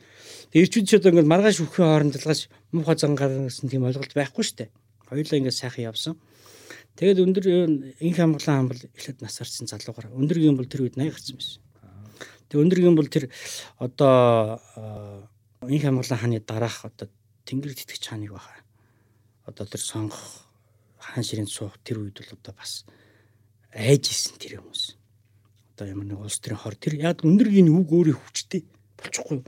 Тэр манжин төр гэдэг чинь нөгөө инх хамглан хаан нас орчхаар инх хамглан хааны найз байсан э, өндөргийн гэдэг чинь өөрөө томоохон фигюр болчиход байгаа баг манжи хаан шиг. Тэр чи энийг устгаж иж дараагийн одоо тэнгэр тэтгэж чаан өөрийнх нь юугаар явахаар энэ бол угаасаа улс төрийн улс төрийн э, шалтгаантай байсан байх гэж ихэнхдээ таамагладیں۔ Ер нь бол Бээжингийн шар сүмд бол одоо хулсан утгаар сугрын одоо хатгаж алсан гэдэг. Яг гэвэл нөгөө нас барсны дараа ч гэсэн одоо криминалист байна шүү дээ. Ингээд биеийг ингээд шалгаад яасан хийсэн байна вэ гэхлээр тэр ингээд нөгөө хулсан аа зүү бол нөгөө хүний биен дээр төмөртэй адилхан тийм юу үүсгдэг юм байна л да. Одоо хор төмрийн хор гэдэг юм уу тийм тэмдэг үүсгдэг. Тэгээ тэгээ хулсан юугаар бол одоо суунаас нь зүрхрэн ингэж хатгаж ингээд энэ хороос хамгийн ойрхон ерөөсө дөрвөн уруу зүү хахад л шууд зүрхэн төрнөлтэй эндээс. тийм одоо таамаг гэдэг. Тэр юу нэлээд ортой таамаг байх гэж боддیں۔ Тий. Тэгэхээр өндөр гигэм төвдөд шавлан сууж байхдаа Эрдэнэзүү бурхан тий оруулж ирсэн гэж үздэг. Үгүй ээ. Өндөр гигэм бол ерөөсө төвдөд 10 3 4-т очиод 16 талаатаа буцаж ирсэн 3 жил болсон. Тэнд бол ном сураагүй шүү дээ. Ер нь ихэнх юугаа бол манай хүн бол дандаа улс төрийн үйл ажиллагаа ихтэй хийсэн. Ер нь Монголд ямар сандал баг байхгүй шаху Бээжинд бүтэн ордонтой яг манжийн инх амглаан бүх юма зөвлөдөг. Тэгээ бас багш гэж хүндэлдэг байсан байхгүй. Тийм учраас дараа дараагийн богдууд яагаад тийм даан байсан гэхэлэр өндөр гэгэний үед нөгөө хаантайгаа адилхан хувцс өмсдөг тийм их юм энэ төр өгцөн. Тэгээ нөгөө нэг богдууд чи ингээд пэйжэнд өрөөд ирэхээр хаа яг хаа шиг юм ингээд хачин навсаас нь дэлтэй орж ирж шít. Тэглээч нүүдүүл нь жахан тэгшээд идэгсэн байхгүй. Тэгээ яг 3 дугаар богд бол төвдөд тодроод аа манжин эзэн хантай бол энэ Чиндэ гэж Жэхэ гэдэг юм да одоо энэ халуунаас зайлах одоо ингээд Бээжингээс 100 хойш 120 км тэнд очиж уулзаад тэнд эрдэнэ ширээ өгсөн. Тэгээ ерөнхийд нь мань нэрд бол юу юм л да. Монголд ер нь одоо энэ уран барилга баригдах гэдэг юм энэ томоохон хэмжээний барилга баригдах юм бол дандаа өндөр гэгийн энэ богдуутай холбоотой. Өндөр гэнийг нас барсны дараа яасан гэхээр тэр шар сүмийн монголчууд айгу уурлахгүй уу та нар одоо манай хотгийг одоо хайж чад ингэж. Тэгэнгүүт 20 жил ярьж байгаа дээ. Тэр Бээжинд байсан шар сүмийн чинь 7 нууртыг айлхныг бариад. Тэгээ энэ чинь дахиад амар өсөлт хэд дээр барьж байгаа амар өсгөлт хийд бол одоо үндсэндээ бас хотын нийслэл байхаар маш одоо сайхан бэлэг шинжтэй газрын шинжтэй газар байхгүй. Тэгээ нэг чи 20 жил бариад гурван амбан цаацсан тэр хооронд авилгалын хэрэгэр. Тэгээ барилга нь энэ хоёрын хооронд тээврийн зардал нөсөд. Тэгээ тэр чинь амар өсгөлт хийдэг чинь барихын тулд одоо буу юм. Амар амар өсгөлт хийдэд бол үндсэндээ өндөр гэгэний одоо мөми гэх юм одоо хатаамлыг одоо хадгалж хагаад 1937 онд одоо юу үсгэр бол ардлынх нь бүрэн хаавуулан тавьж чадаа дагууд нь очиж байгаа юм. Хоёрдугаар богдын шарил, гуравдугаар богдын шарилыг бол одоо энэ дам даржаа хийдэг хамгийн анх барьж штэ. Дам даржаа хийдэг татгалж байгаа одоо. Одоо дам даржаад нь байна уугүй. За тэгээд энэ дөрөв таваас эхлээд бол одоо үндсэндээ манай дөрөвдүгээр богд богдыг бол манай монголчууд бол одоо бас өөрсдөө бас жаахан хүн төмөсөлтэй. Хаврын хавсарганаар бэж орж хоол идэгээд дагуулж гараад тэгээ ингээд тэнж авч явж хагаад энэ юм дээр утаа шаанд очисон чинь хатгаа аваад тэгэд одоо майханд нас орсон байхгүй. Би Жорж амжаагүй. За тэгэд 5 дугаар богд 4 5 дугаар богдуудыг бол одоо энэ гандын хийдэг байдаг. Гандын хийдэг одоо номын сан байгаа дуганд шарлыг хадгалж байгаа юм л да. Тэгэхээр бол ерөөсөө энэ Улаанбаатар хотыг бол богдуудын шарлыг хадгалахын тулд тийм ээ өндөр гинэс хойш богдуудын шарлыг хадгалахын тулд бол одоо энэ Улаанбаатарч барилга барьж байгаа. Тэгвэл бус нь бол одоо тэр хоёр давхар барилга тий барих боломжгүй одоо тэр ерөөс хоёр давхар барилга гэдэг ойлголт ер нь бас их ховор байсан юм байна л. За нэг иймэрхүү дээ. За одоо ер нь тэгэл ер нь орс хэл дуусна гэдэг шиг ярих юм ер нь дуусаад ирлээ шүү. Одоо яг мэдээж таасаа хэллээ шүү. Улаанбаатар хотод богдуудын шарил гэж. Яг би бол бунхан гэж хэлэх гэдэг юм л да барилгын тухайд. Дандаа ерөнхийдөө нас орсон зориулж дандаа Монголын уран барилга бол дандаа бунхнууд. Уран барилгыг унхан гэдгийг юугаар мэддэг чи мэдв? Гүү. Харталтаа жижигхэн шарил оруулдаг. Үүдтэй халахт байдаг байхгүй. Тэрүүгээр нэг хэвтэйгээр оруулдаг. Одоо чи ингээ ганданд очиод үзээрэй. 5 дугаар богдын шарилын сум бол харталтаа хаалгатай. Ягаад гэвэл урдаа урд хаалгаар бол амьд хүмүүс өгсөн хүмүүсийг арын хаалгаар нь оруулдаг байхгүй. Тэгэхээр тэр арын хаалгаар арын хаалга гэдэг үг чинь тэр өгсдийн хаалга гэсэн тийм давхар утга байгаа шүү дээ. Ойлгож байна уу? Арын хаалгадаг гэдэг чинь юу ч ингэ сүнсгүй. Ямар ч асуудалгүй бүтнэ гэдэг чинь зөв өгсдөд л асуудал асуудал байдаг байхгүй юу ер нь бол. Амьд хүндэл зөндөө проблем шүү. Тэгэхээр өшөө бүр дахиад нөгөө өмнөх түүх рүү би орохгүй. Чингис хааны тухай ярих гэдэг. Тэгэхээр Чингис хаан бас өөрөө одоо тухайн үеийн тангууд улс тий. Тэгээ өөрөө Чингис хаан өөрөө бас хилдэг ус тий. Өглөө болгоно намаас ирэх тангууд улс мөхөө гэдгийг сануулж бай гэж. Тэгээ өөрөө дайнд явж байгаад яг тэнцээ байлдаж байхдаа нас урсан. Яг би зүгээр чамд энэ дэр нэг богинохоо өөрийнхөө одоо хийн гэж боддог киногоо яриад гин. Энэ өвөр Монголд нэг 10 жил судалгаа хийлээ. Тэг миний хийсэн судалгааны ажлыг нэг одоо Монголын бурхны шин сүм мэдээдээс гадна энэ газар газрын хүмүүс Чингис ханыг одоо хэрхэн тагч ийн гэдэг нэг тахилуудыг сонирхол явсан. Одоо тэр сүнсэн гэдэг тэр тангуудын тэр нутагчин бол одоо энэ амны марчин гэдэг тэр уулын одоо салаа салбар тэр тангуудад байна одоо. 8 сарын 25 буюу одоо жил болгон 8 сарын шинэ сарын нас барсан өдөр шүү дээ. Бүгднгийнх нь үсийг ингэж хусаад толгойнх нь та нар цусаар уйлах гэж сонсно. Цусаар яаж үлдгийг мэдэх. Энэ бол зөвхөн бонд байдаг. Үсийг нь хусаад толгойн оройд ирэх нь артерийн судсын заа зур ганцхан дагдаг байхгүй.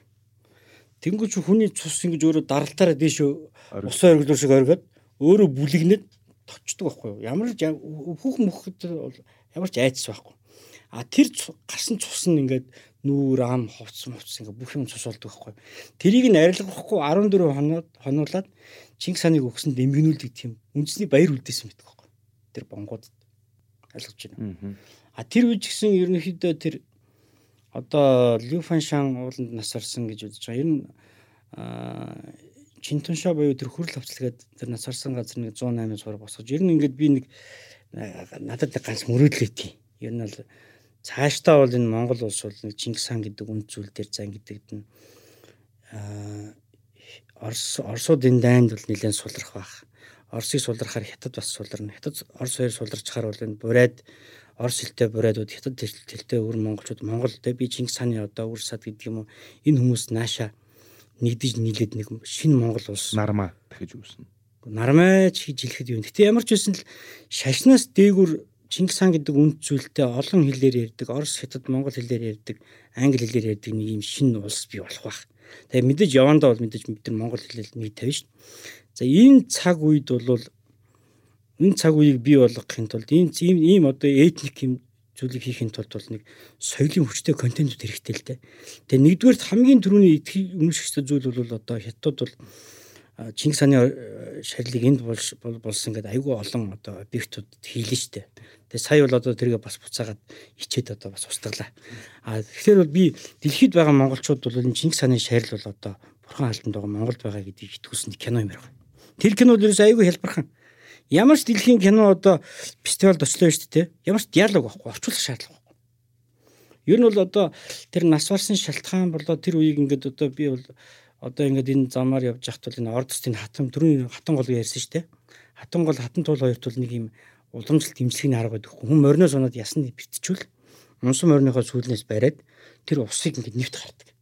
Та усыг нэвт гарахад яадаг юм хэр нэг хүн чинь ихэн ивлээд бол усан дунд одоо бүрддэг учраас бүх яс нь одоо бусаж ивлээд идэгдэг гэж ойлгодог байхгүй энэ бол бонгийн ангаахын буюу одоо дом.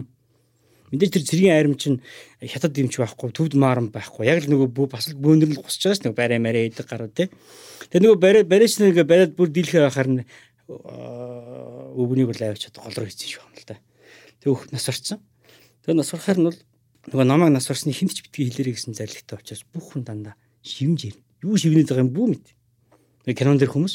Тэгэл нөгөө цэргүүч нөгөө толгоогоо оройн духныхаа цусыг ханаал бахан цусаар байлаа. Тэгээд нөгөө юм бүдүүн модыг голоор нь хөрөөдөд голыг ухаад тэгээд нөгөө хоны мах муудахгүй тул цахилдаг хийдэг штэ. Цахилдаг ингэж хийгээд.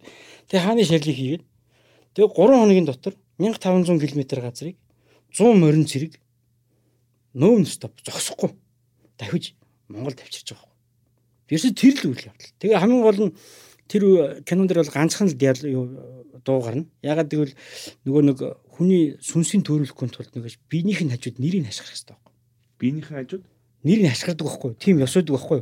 Одоо жишээ нь Тэмүүжин гэж хашгирна шүү дээ. Чингис хаан гэж хашгирах шүү дээ. Тэгээ нөгөө урд нь туг өрцөнд нөхөр ингээд Тэмүүжээ гэж хашгираад ард нь юм 6 морин цэрэг нөгөө юм бөмбөгөө авсаж чи ингээд уурах шиг юмар ингээд агаат хөндөй уяад тэгээ хамгийн хурднаар хүрийг муутахаас хүний хүүрч одоо 8 сар чаа дороо муудсан шүү дээ. Тэ тийм учраас тэр чинь авчрахын тулд нэг тэр болж байгаа үйл явдлыг кино болгоод тэгээд одоо Монголд бол нэг 200 гаруй морин цэргийн одоо морин спортын мастер тэр хийдэг хүмүүс байна. Тэгээ нэг хүн нэг юм чаддсан бол тэрийг одоо яаж үзүүлэх юм те морин. А тэгээ би бас энэ кинон дээр бол юу гаргаж бодож байгаа. Манай наадам одоо ингээ болж явах үед бол нөгөө наадамд ч хүүхдүүд яга морин дээр дахиулаад идэв.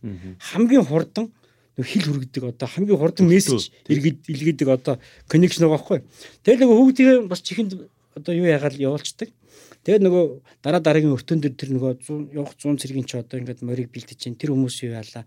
Дараа нөгөө тэмүүж ингээ хашгираад ахаар нь тэрийг сонссон нөгөө нэг явдун гэдэг одоо хятадын одоо юм агууд амьдэрдэг хитэн хүнд гараад байна одоо нөгөө Тэд нар чигээ сонсоо гарч ирэхээр тэдний бүгд нь ер нь одоо би бид Крогийн ном дээр бол хэлж байгаа шүү дээ. Чингис хааныг одоо шарлын текст замд тий таарлцсан бүх хүний наалсаа гэж тэр нөгөө Чингис хааны зарлиг ба. Миний одоо нас орсны хинт ч битгий хэлээрэй. Тэгээ ингэж явсаар хагаад үндсэндээ нэг э, яг би хэмжиж яваад нэг хэмжиж үзэхгүй. Аа 1500 орчим километр газар байна. Явсан зам бол. За энийг бол ингээ хамгийн хурднаар 3 э, өдөр шөнөгийн дотор бол зөвхөн Монгол морин зэрэг л авчиж чадна. Одоо ч хэцүү байхгүй. Одоо ч чадна ер нь. Одоо ч чадна гэдэг бол би тэр жижигт үзүүлээсэй гэж боддیں۔ Тэгээ ерөнхийдөө бол одоо би энд санчирахыгаа бол дуртахгүй харахгүй л да. Манай санчирах бол одоо манай энэ соёмбны тухай бол их гоё тайлбар хэлдэгсэн юм. Энэ репинд сурж байхад нь репний академи хажуудалд Оросын ард талын академи гэж цэргийн том академи байсан юм байна. Тэр академийн том профессор бол манай санчрахаас асуусан юм байлээ. Энэ санчрын та нарын соёмбоо ер нь юу гэж боддог ингээд асуусан юм байлээ. Соёмбыг бол мэдэхгүй энэ одоо ингээд ингэсэн чинь үгүй та нар яагаад энийг мартахгүй гэдэг ингээд эндээс зүгэл эндээс зураал те тогон дээрээ шатгаад байгаа мэдэхгүй гэсэн чинь энэ нэг дайны тактик юм байна л да. Тэгвэл Монгол тэр үжнөө нэг гэр бүлтэйгээ малтаага ингээ нүүж явдаг нүүдэл. Тэрний зохион байгуулалтын тэр гурван одоо галтай галтай нь болохоор нөгөө тагнуулын анги бөөрөнхийн нар нь болохоор хаан тий сар нь болохоор хүнд морин зэрэг тэгээд ингээд яг легоны юу шиг хойшоогоо оронгууд ингээ голын тэр хоёр загас нь болохоор эмлэг тий хоёр талаар нь ингээд нөгөө баг нь болохоор нөгөө үхэл тэрнүүд.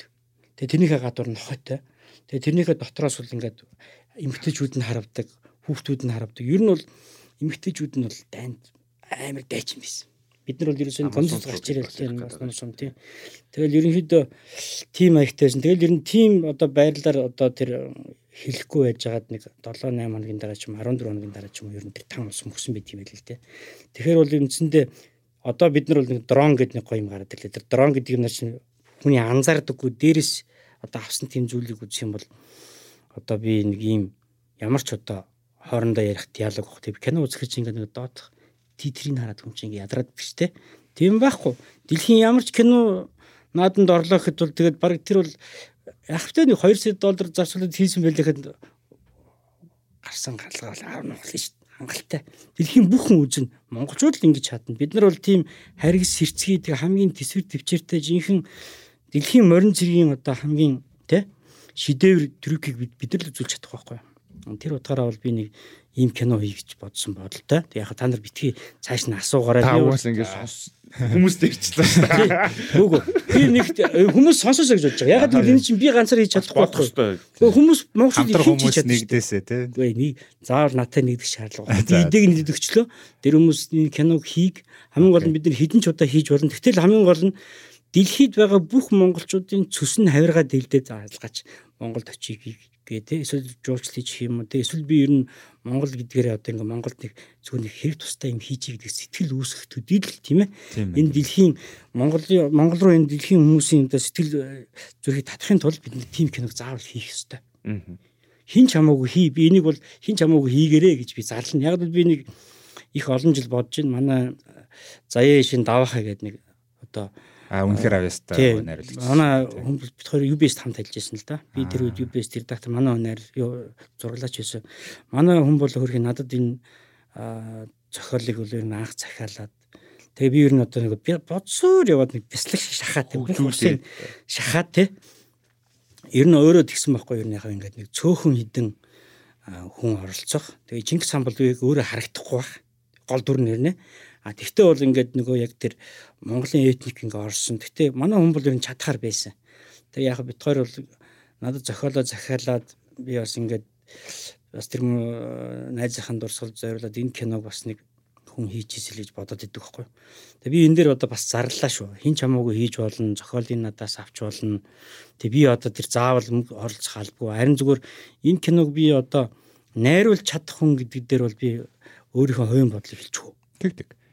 Би энэ киног бол Монголд найруулж чадах хүн би өөрийнхөө найз хөрөө өвгөн Баатрин Бадрлыг гэж боддیں۔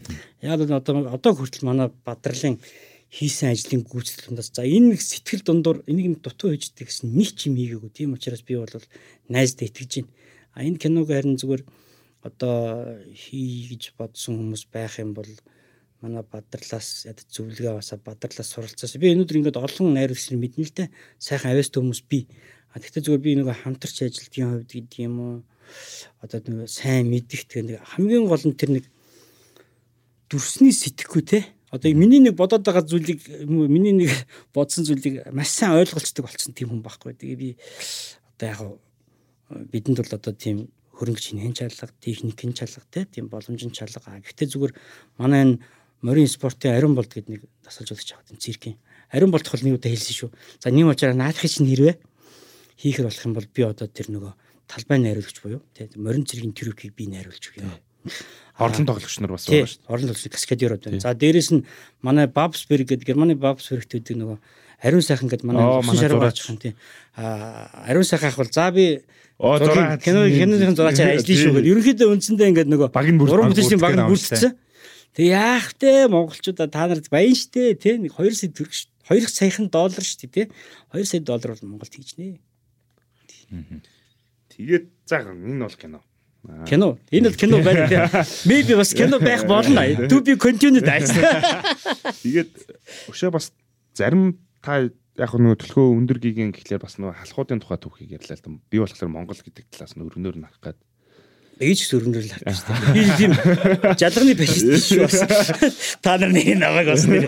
Йоо. Гэтэ нөгөө зарим хүмүүс одоо юу гэдэг ойртууд гэж ярих бах тий. Тэгэхээр тэнцээ байгаа хүмүүс болохоор Монголын сүүлчийн хаан бол галдан бошд гэж бас зарим хүмүүс ярьдэн шүү дээ. Та бас энэ тухай судалсан байх. Гэтэ энэ бас амар орхигддаг сэдв юм шиг надад харагдсан. Тэгээд ер нь бас ойрт судлаач гэж бас үүсэд бас удаагүй нэлээд том түүх тэнцээ бас нууц хэвээр үлдчихэж байгаа. Одоо энэ нэлээд олон цуурлага шин. Гэтэ харамсалтай нь бол энэ э, шашин гэдэг одоо энэ түүхэнд ярьж болдог зүйл гэж байна, ярьж болдгоо зүйл гэж байна. Тэгээд яг энэ ёсч асуудал байна. Тэгээ би бол аль болох болж игэл тэр баруун зүүн Монгол ойрд халмаар тийм би айгу дургу шүү. Би өөрөө Улаанбаатар хот төрсөн. Би ч одоо уул нь одоо өөрийгөө боддог шүү. Нилээн одоо ямарсан жалганы фашист байхгүй юм гэж боддог байхгүй. Тэгэхээр бол би энэ дээр бол ингэж боддیں۔ Ер нь бол энэ Эрдэнэзуу бол нэг хэсэг бол Монголын том асар том төв байсан. Энийг бол Гармапа гэдэг одоо урсгалынхан барьсан. Энэ одоо Монголын бурхны шишин юун дээр тогтсон юм бэ? Бурхан багшин шүдэн дээр тогтсон байхгүй юу? Тэр одоо богдханы ордон үзэд байна л да. За энэ Ардна шариран буюу Ардна Эрдэнэ шарил гэж нэрлэдэг. Ер нь бол за энэ Эрдэнэ шарилыг бол одоо галдан бошгот өндрийн оёж юм бол төрсөн ш төсөө хөтөж штэ. Ойрхон хамаад. Би бинд юу аг мэдсэн. Хэрвээ тэрийг галдан бошгот ер нь одоо гартаа оруулж аваад ер нь бас хаан бол ил гэж бодсон. Аль аль нь л тэгэл хаан ширийн төлөөл үзсэн болохоос ш. Тэгээд тэр хаан ширээтэй холбоотой асуудлаар бол одоо чинь олон зүйлээр төв хүчлэг бол ам жимс жишээ нь энэ одоо бодоологийн хан дээр байгаа тэр өндөргийн нэг 13 настайд нь хаан ширийн залж байгаа 9 цагааны бэлэг өгж байгаа тэр болсон үйл явдлын тухай нэгч сурвалж дээр 6 настайд нь шашны эзний ширийн залсан гэсэн хаан гэдэг үгийг огт дурдаг. Энэ манжийн одоо төрөөс айсан уу эсвэл энэ галдан бошготын хоёрын хоорондын асуудлаас болсон уу те. Тэгээд тэрийг эхний төвшөнд бичиж болохоо дараагийн төвшөнд бичээгүй явцсан. Эн чинь бол уран зураг нь өөрөө хэлээд шүү дээ. Хан дээр байгаа уран зураг нь өөрөө яриад идэг. Бид нар болохоор үгүй нет нет нет энэ чи шашны ил хаан байсан байхгүй тийм биш ээ. Тэгэхээр бол Монголын түүхийг бол нэг юм үг хэлсэн дээ. Нэг өр Монгол хүн нэлээд гарсан үг Монголд одоо иргэн болцсон байж байгаад насаар тэр хүн хэлж ирсэн. За би одоо ингээд насаараа дүүх мөх судлаад үзлээ явлаа тэнлээ За соёмбо дагсан нь одоо мандад соёмбо дааг нь баларсан. Өр Монгол хойр тий одоо Шинжаан Минжаа. А яг ингээд багтаж орж ирээд ингээд нэг улс дор болоод ингээд өнөөдөр явцсан. Тэгээ би өнөөдөр тийм одоо үг хэл гаргаад баруун зүүнээр нь халах хойр дээр нь хаалах гэдэг хүмүүст хэлдэг юм. Пожалуйста ёо. Тэр зүүн гартаа оч Казахстанд оч хоёр толгойтой бүргэдтэй паспорттой болох уу 5 5 шуутай паспорттой болох энэ та нарын асуудал нэгэн л энд соён байгаад нэгэнт энд Улаанбаатар хотод төвлөрөөд бид нар нийслэж байгаа бол энэ тоглоомын дүрмээр л амьдраар. Тэр хаглан бутрах, салан тусгаарлах гэдэг зүйлийг хинч байсан бид нар яах вэ? Бид нар энэ Улаанбаатар хотын унган хүүхдүүд энэ түүхийг мэдхийн хувьд ийм өнгөрслөг гаргасан хүнийг хамгийн ихний орлого дээр л тас авчина. Тэр бол хууль. Монгол улс бол үрд мандан бадрах хэрэгтэй шүү. Тэгэхээр одоо таны хувийн амьдрал те замналын талаар яриа руу оръё. Бид нар ер нь би одоо ямар одоо танай хүрээ өгөөд гээд энэ бүлгэн ба штэ яг энэ за. 90 он гараа ардчил гарсны дараа энэ хэсэг бүлэг залуучууд ингээд одоо үзэл сонирхол бүтээл одоо юу гэдэг энэ бүх юмараа нэгдэн нийлээд ингээд хамтарсан энэ нэг энэний талаар Тагой дурсамжаа яриач. тийм дурсамж тэр аа хоёр өөр нийгэмшилжсэний Тий. дараах үе ямар байв гэх мэт те за манай Дашмүх Энхүү Болбаатар Бадрал Батнасан Батбэг харамстай нэг найз маань л одоо бурхан болоод 2 жил болж байна л да. За яг одоо хөрөө өгүүдийн тухай ярих хэр би одоо бас нэг жоохон хүн болгон мэддэг болохоор гэдэг юм уу. Бид нар маш сайн найз нар байсан. Бид нар бас маш сайн өрсөлдөгчд байсан. Би нэг хурцлсан. Одоо би ингээд заримдаа нэг э, сайхан сайхан залуучуудад тааралдаг юм л та. Одоо нөгөө сая инх саран гээд нэг совиллалд одоо нөгөө яасан мөнх хот шүү дээ. Димитри мөнх хот шүү дээ. Комедиан. Хэрэв комедианд өөр шиг нь 4 5 найз байсан бол энэ улсыг эргүүлнэ шүү. Тэгэхээр бол яд энэ хэр цаг үе гэдэг тий э, багш нь бэлэн болох шавн нэрдэг гэдэг шиг биднийг бол цаг үе биднийг уулзуулсан. А бид нар бол үндсэндээ одоо уран зохиолын шинжилгээний төлөө гэх юм уу? Ганцхан уран зохиол биш шүү дээ. Энэ чинь нийгмийн оюун санааны амьдралын шинжилгээний төлөө. Бидний урд чиглэл тийм хүмүүс байсан биднээс хойш чиглэл тийм хүмүүс байгаа. Харамсалтай нь Монголд бол тэр шинжилэл гэдэг зүйл лиг одоо яг өөрсдийн хүснээр хийхэд харамсалтай тийм боломж бүрдэх ямар ч нөхцөл байхгүй. Тэртээ тэргүй хуучинсаг масс буюу одоо тий. Тэр мянган жилийн өмнөөс нөгөө бон тэнд ч хүчтэй байгаа л гэдэг. Тэгэхээр бол хөрөө өгөөд бол ер нь хоёр үе шатыг дамжсан гэж боддог. Нэгдүгээр бол бид нар 10 дугаар ангийн одоо 7 8 дугаар ангийн хүүхдүүд байхаас нийлсэн. Тэ? Тэр үеийн уран зохиолын дугуйлан муулан гэдэг дээрс эхэлсэн. Тэгээд Дашмөнх их бол дотор бид гур уулзаад тэгээд дараа нь Батбэг мом орж ирээд тэгээд их сургуульд орсон Баажа Бадрал хоёр нийлсэн. Тэгээд хэсэг явж байгаад бол сургууль сөдөөсөд яг эд амьдрал дээр гарахад бол одоо хамгийн том хоёр дахь шинжилгээг бол Бадрал хийсэн. Үндсэндээ бол видеор барах хэвээр, дэлгэцийн урал руу барах хэвээр. А энэ одоо медиар барах хэвээр гэдэг дээр бол Бадрал Батнасан бит хоёр өөрөө татсан. Ингээд бол бид нар одоо баг 3 нь буюу цөмөөрө хагасан те а юун дээр очиод UBS телевиз дээр очиод ингээ үндсэндээ одоо видеоны донтон болсон. Энэ цагаас хойш одоо 24 жил өнгөрч байна. Тэгэхээр бол би судлаачаасаа гадна бол одоо юу гэдгийг бид очин гэдэг юм уу те контент чин гэдэг юм. Өнөөдөр ч гэсэн би зүгээр ингээ хараад бодож байхад би нэг өөрөө энэ зовлонг ойлгодог болохоор олон хүний хүс хүч хөдөлмөр а тэгээд урт удаан хугацааны бэлтгэл шаарддаг учраас би бүх зүйлийг төвчдөг төвчж чадна төвчдөг байхгүй ойлгодог байхгүй маш сайн ойлгодог болсон. Тэгэхээр бол тэр цагаас эхлээд бол үндсэндээ бид нар дараа нь шар нохой гэж болоод ингээл бид нар явсараа өнөөдөр ч гэсэн одоо бадрал бит хоёр бол одоо нэг сав шимгээд бас нэг шинэ контентын цуврал эхлүүлж байна.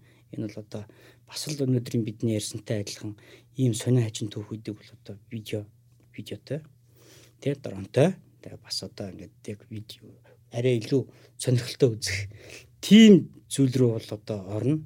А бид нар бол 50 өнгөрч байна. За 50 өнгөрнө гэдэг бол видеочдын хувьд бол баг өвөө нас баг байхгүй нас шүү дээ. Гүү шүү дээ одоо л яг хийх нас шүү. Тийм. Гэхдээ энэ киночдын хувьд бол өөр л доо.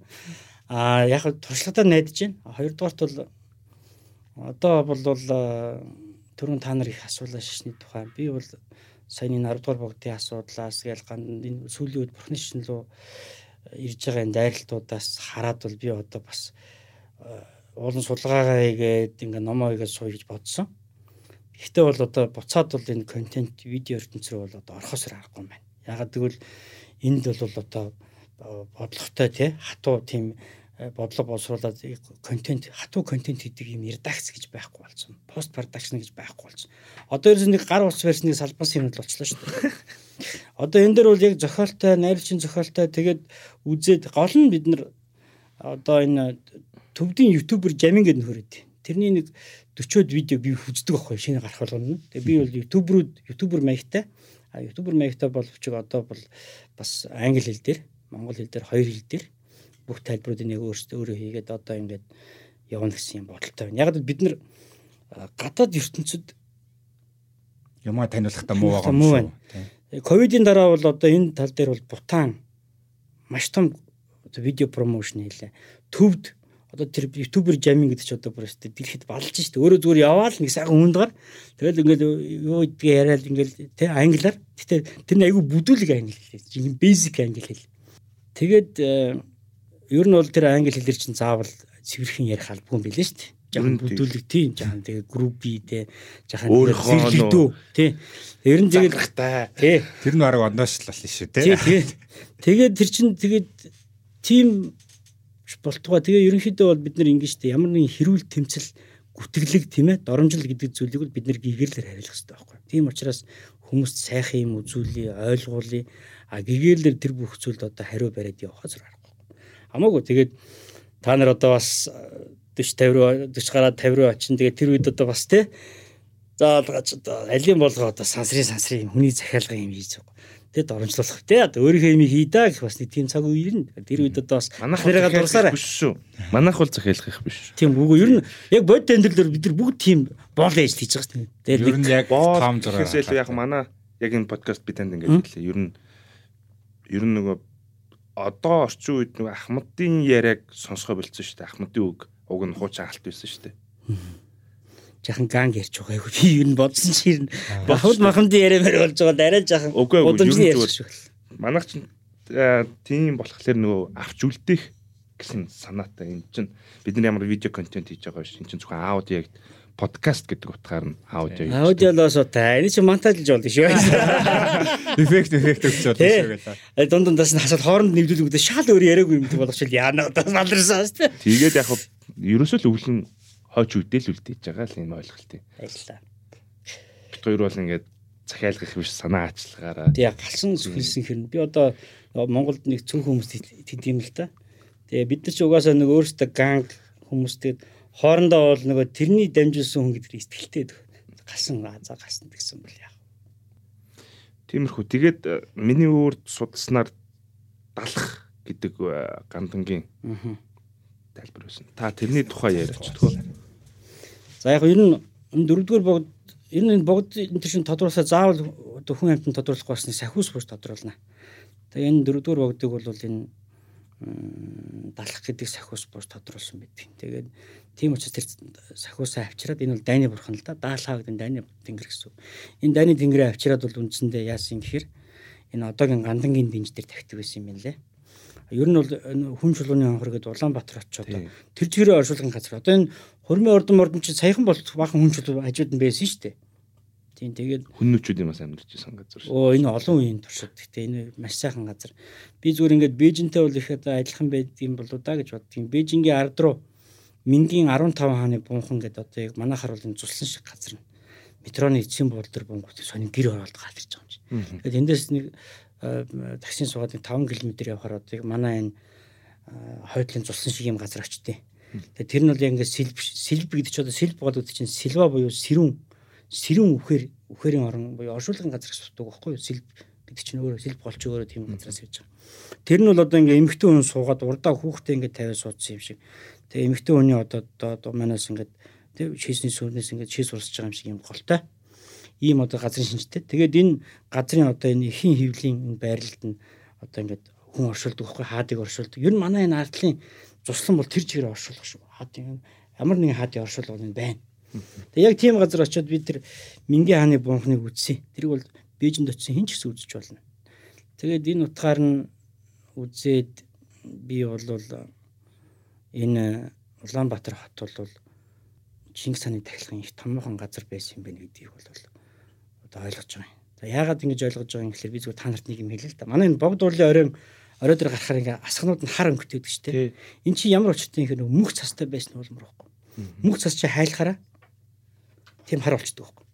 Тэгээ ерөнхийдөө энэ Чингис хааны тахилгыг хийж байгаа хүмүүс яасан гэхээр эхэндээ ингээд энэ богд уулын тахилга хийж исэн. Тэгсэн чинь энэ богд уулын мөх цас хайлсан. Үүний дараа бол энэ хүмүүс одоо яваад бол саяхны судалгаагаар бол бид нар би бол юу гэж бодож байгаа өөрөө явж үзснээр бол энэ Хөвсгөл аймгийн Аршаан сумын Дулаан хаан гэж бол харах юм бол яг бурхан алт бол шиг. Орой дөрөө бас тийм химэл бүтцтэй. Өө гарахад нэлээ хэцүү нэстэг дэр мэргээл буудаг очих гэж зовх юм бэл.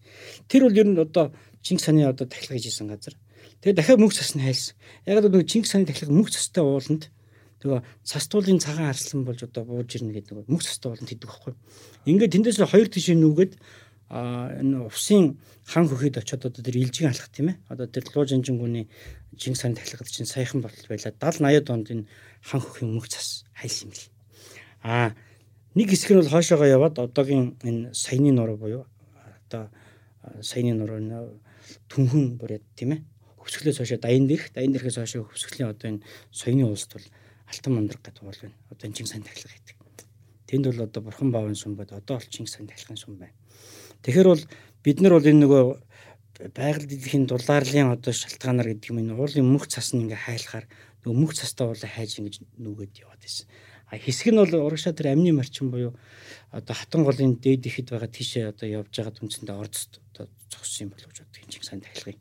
Тэгэхээр бол нөгөө моргун мохоо хонигун ховдөг гэж нөгөө маш сайн одоо морин зэрэгтэй өдөрт хэдэн зуун километр туулах тийм чадвартай хүмүүс байсан учраас бол тэр тахилгыг бол одоо уулыг бол одоо самар шиг одоо илбэгөөс тийм ингээ харж байгаад хамгийн өндөр гоё төгс уулыг ингээ ядаг. Би одоо бодохтой бол бодвол энэ бурхан алдан уулаа тий хадгалаад төөрүүлээд ингээд нэг жаахан ингэж явуулсан болов гэж боддөг ч тийм. Яг энэ чиглийн бол нэлээд номууд хийж гэн. Тэгээд би одоо нэг нөгөө ихэд таяр бол одоо Чингис хаан бууж ирдэг эргэж ирнэ гэдэг л итгэдэг хүмүүс юм байна эргэж ирээсэ гэж боддгоо хүмүүс юм байна. А би бол одоо юу гэж бодож байна нөхөр үлдсэн амьдралаа бол энэ Чингис хааны одоо энэ тахилгыг сэргийхтэй инновацтай боёо одоо энэ альва зүйлч үнэхээр үнэн юм бол тэр цаг үе болгонд шинжлэгдээд тийм ээ амьдрах чадвартай байх хэрэгтэй. Би энэ Эрдэнэ бэлэг ахтай 2017 оноос хойш энэ андлын өшөө гэдэг энэ төсөл дээр ажиллаад тэгээд Эрдэнэ бэлэг ах надад хэлсэн юм хэлгийч. За нямк энэ би урд нь цонжин гэдэг нэг юм хэлээ юм хүний юмыг бол харж байгаад юу ч хийж болдго юм. Гол нь одоо ивент буюу тэ тэрийг амьлуулах одоо ямар нэгэн тийм ихтгэл үнэрсийн зүйл байхгүй бол тэр чинь зүгээр ингээ хай хог болчдөг юм байна. Тийм учраас энэс хойш одоо энэ Чингис хааны аялал жуулчлал гэдэг хийхтэй бол а 50% урлаг 50% шашин буюу ивент байх хэрэгтэй гэдэг энэ зарчим дээр одоо хоёулаа тогтоод ирсэн баггүй юу. Тэгээ би ноднон энэ хөшөө дууссаны дараа бол нэг 6 дугаар ангийн нэг хүүхдийг итгүүлсэн. Чингис хаан бууж ирнэ чинь эзэн сан гэдэг санг уншиж байгаа. Монгол цэргийн цусан тангараг гэдэг тангарыг тавьж айгүй амархан. Гэтэ ингээд зүгээр уншихад сонсоход айгүй амархан юм шиг ирнэ тавихад айгүй хэцүү. Чи сонстоо. Нар сараа барин тангаргалыг ницэж буцснаа харван алыг нэгэн эцгийн хөвгүүд мэт найртай сайхан явцгаая. Хурай, хурай, хурай. Авсан амнаасаа буцаж тавьсан тангаргаасаа нийцвэл атга ясмын химхрэг аяг цус минь асхараг Энийг хоёр одоо хүн бизнес хийхээ очингууд нөгөө хүүхдэр эрхийн орныхоо өндөд зусч чад нийлүүлээд цусан тангаар өргөчлөө. Тэр цагаас хойш хилс үгчэн өвчтөн юм чинь энэ тангараа буцаага ботхоор тэр тангарыг зөрчих аргагүй болчихно тийм ээ. Тэгэхээр чинь бол энэ ёс зүйн кодекс гэдэг энэ зүйлийг одоо энэ хандлын өшөө те одоо энэ хөхөрийн талд байдаг борчин сан хоёрын хандлын өшөө бол одоо хүнд сулах хэвээр. За эзэн сан маань боли те тэр шашин шүтлийг болий. Чингис хаан бууж ирэнд итгэхгүй гэж бодъё. Тийм үү? Дараа нь бол энэ Тэнгэрийн салхи гэдэг Монгол цэргийн одоо тэр дайнд орохын өмнө өөрийгөө зоригжуулж өвхлээс яхаа цаа даван туулдаг тэр дугдуул хүүхдүүд төр. Ерөөсөө юм гурван л ивенттэй. Тэрийг бол дунд сургуулийн 5 6 дугаар ангийн хүүхдүүд хийдэг. Одоо би ингээд маргааш явах гэдэг нь л да. Маргааш яваад би энэ жил 7 сарын 5-наас 25-ны хооронд бол нэг 20 хоног энэ жил нэг 10 хүүхэд бэлдсэн. Тэр 10 хүүхдээ дахиад ингээд одоо нэг чинь нөгөө хинти хинтигээс хойш Батнар руу хүртэл бараг засмал орцсон. Тэгээ их их жуулчны урсгал дадал руу явж ийн энэ зам. Тэгээд дадал руу явж байгаа хүмүүс яг замаараа дайраад өнгөрөх байхгүй. Замаас 12 км хацаа. Ирж байгаа тэр бүх хүмүүс тэр хүүхдүүдээр ивент хийлгээд. За энэ Чингис хааны одоо тий одоо аялал жуулчлалын хамгийн анхны объект юм байна. Хүүхдүүд нь ингэж ажиллаж байна тийм үү? Хүүхдүүд нь ийм ивент үзүүлж байна. Энийг үзүүлээд тэгээд тэр хүүхдүүд чинь биш тий. Та нар бол дүүрс болсон. 10 жилийн дараа тэр хүүхдүүд чинь 5 нарын насны дээр очихороо тэр чинь энийг авчих واخхгүй Тэгэхээр яах юм хэр бид нар бол ийм бэлээ. Хүмүүс ингээл одоо намайг сэлж Чингис Чингис хэл хөөсрлөө гэдэг. Бид нар энэ 30 жил шүү дээ. Эсвэл комикс сургуулийн өмнөх өмнөх насны хүүхдэд нэг хідэн зурагтай ном. Эсвэл шууд нус товчоо. Тэр нь уншихад аяг хүнд. Энэ хоёрын голоор нэг бичиг үсэг тайлгцсан нэг 5 дугаар ангийн хүүхдээ 10 дугаар ангийн хүүхд тийм ээ. Нэг 20 настай хүн залуу хос мос уншиж чахаар тийм ном ерөөс хийгээгүй. Тэрийн Джек Ведерфорд гэдэг Америк хүн бичсэн юм. Монгол хүн яагаад тэгээ Джек Ведерфордын тэр номын 5 дугаар ангийн хөгжмөшлөөр бас жахаа хаардaltaа дотор нь дандаа тэ триплекс юм гар нь бас амар. Тэгэхээр чи нөгөө тэр хүүхдэд зориулсан тийм хялбаршуулсан тийм номууд гаргаад хийгээд энэ дээр бол би хэд хэдэн одоо сайн эрдэнэт тийм хялбаршуулсан ном одоо эрхийг аваад хэвлж гаргаж байгаа. Яагаад монгол хүн хүний их биш юм бэ гэхэлэр монгол хүн тийм бичих юм бол монгол хүн хизээ юм бичдэг энэ бодлоо батлаа.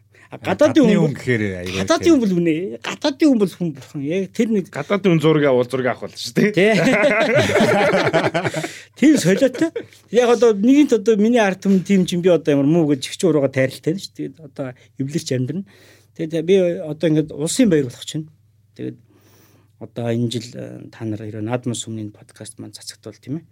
Юу ягаараа наадмын өмнө дараа ч гэдэг юм уу 7 сарын 25 хүртэл ямар ч байсан ингээд дадал руу явахаар бол замаараа Батнарын амтлын тэнгэр андга цогцлбороо дайрыг дөнгөрөөрэй те. Би тэнд хөөхөн хөдөөний яг өөрөө байгаагаараа иргэн тойрных нь малчин айлын малчин хүүхдүүд. Тэгээ би энэ хүүхдүүдэд баярлж байгаа. Энэ хүүхдүүд бол одоо бидний манай хүүхдүүд чиг ингээд гар утастай бүгдээрээ гар утастай те тоглоомонд донтцсон интернет донтсон хүүхдүүд биш яг байгальтай байж байгаа юм шиг Тийм болохоор тэр хүмүүст айгүй ойлгомжтой. Тэд нар ч өөрсдөө айгүй бадрангу. Хөө хөө чиний санаа буулгаж ирэх төлөөс та нэр улаан олоогоо сугал хашгирсан ч яах вэ?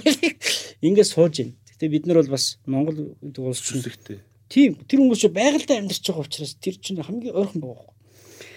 Очоорой гэж урьж байна. Тэгээ би тэндээ байж ин тэгээд яах вэ? Аа би бол одоо аль болох болж байгаа сүүлийн дахь нь данаас нэг юм өнгөрсөн юм ярих дургу болцсон. Өнгөрсөн цаг дээр юм яриад яах юм Тийм биз дээ. Одоо яхан ирээдүй 10 жил 20 жилийн дараа юу болох юм? Тэрийг ярил л та. Тэ? Тэгэхээр тий. Өргөө отоос ярьж байд подкаст 2038 он. Юу бадарчин гэд бас нэг сонирхолтой нэг юу хэмдэ. Нэршил гэх юм уу тий.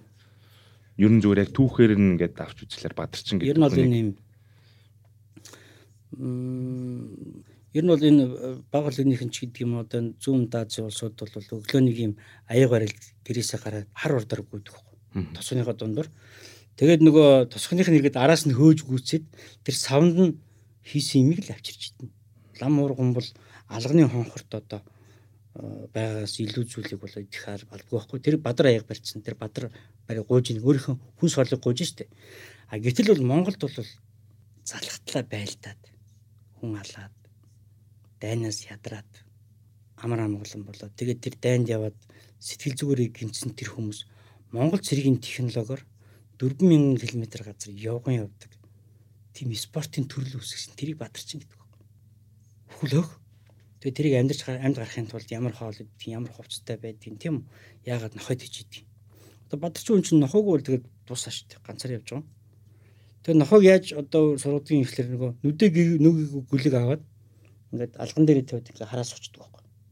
Тэгээ нохоо бол нүдэ нэгэл хамгийн түрүүнд даах харсан амтнал ээж гэж боддог юм байхгүй. Тэгэл тэр нохоо насан туршдаа тэр хүнтэйгээ болсон холоо хувааж идэл тэр бадарчингаа 9 минут төв дүргээд тэнд ном сурж дуустал нь хамт байжгаад буцаад их орондоо эртэл нэг 17 8 жилийн нас нохоо насалдаг. Ингээл тэр нэг хүн нэг нохоо хоёр л энэ 4000 км газрыг Монгол цэргийн технологиор хувцас хоол одоо бүх зүйл амиа хамгаалах чадвар ингээл одоо туулж байгаа хоёр тал нийтээ 8000 км явж байгаа экстрим спортын хэлбэр тэгэл ойлгож. Яг одоо ингээд ерөнхийдөө өндөрлөлт тийшээ хана. Тий одоо болж одоо чи би нөгөө нэг юу цадахгүй болохоор нөгөө 90 жилхийг цадах хэлдэг гэдэг шиг одоо би бас 90 жилээ л. Мэдээж нөгөө соёлын үг гэдэг талаасаа юу гэдэг бадарчинд ингээд соёлын үүд ингээд хувцас хунар нь та нэг ярьсан байсан. 15 эд төлөвлөж болов. Тий. Эд зүйлүүд үлдээсэн. Энийг бол бас уламжлж гаргах ёстой гэж бас та давхар ярьсан байсан. Энэ тухай бас ярьж өгөөч яг юу юу яг багтж байна. Яг л энэ эрэгтэй эмэгтэй хүмүүс Монгол бол одоо алуурчин талуурчнаас ер нь одоо үеийн үйл бид нар нэг юм хоорондоо бич явах эв түн юмнуудтай мөнхийн одоо тийм байлын тэмцэлт бас тийм шүү. Тэгээ зарим залхаад явдаг ирж юм чи. Ингээ явхаар бол одоо хоол хүнс ямар байх усаа яаж болох вэ? Майхнаа яаж барих вэ? Яг ямар цаг үед явдаг байсан юм? Гутал нь ямар юм? самсан ямар юм? Яаж усанд ордгийг? Яаж нохойноос зэрлэг амтас бие хамгаалдгийг? Утга гэхэд дөрвөн уруунаас илүү утга хэрэглэж болдоггүй. Яг л дөрвөн уруунаас уртах нь зүрхэн төрөд хүн алчна. Тийм учраас бол дөрвөн уруунаас урт. За энэ бадарчин чи ингэ явж байхдаа янз бүрийн ном дүүгүр шидэж явна. Тэгээд эн чинь өөрийнхөө галтгаа мого бүх юм авахаар чи хүн чи 12 кг ачаад тавина. 12. Тий 12 10-аас 12 кг ачаад. Тэрнээс их байх юм бол хүн чи өвдөггүй болчих шүү дээ. Тэр хүмүүс бидний бодох юм бол сайн байсан л да. 17 8 хүртэл үрчдэг байсан баг. Тэгтэл хэцүү. Тэгээ ингээ явлаа гэхэд өвлөний явахгүй шүү дээ.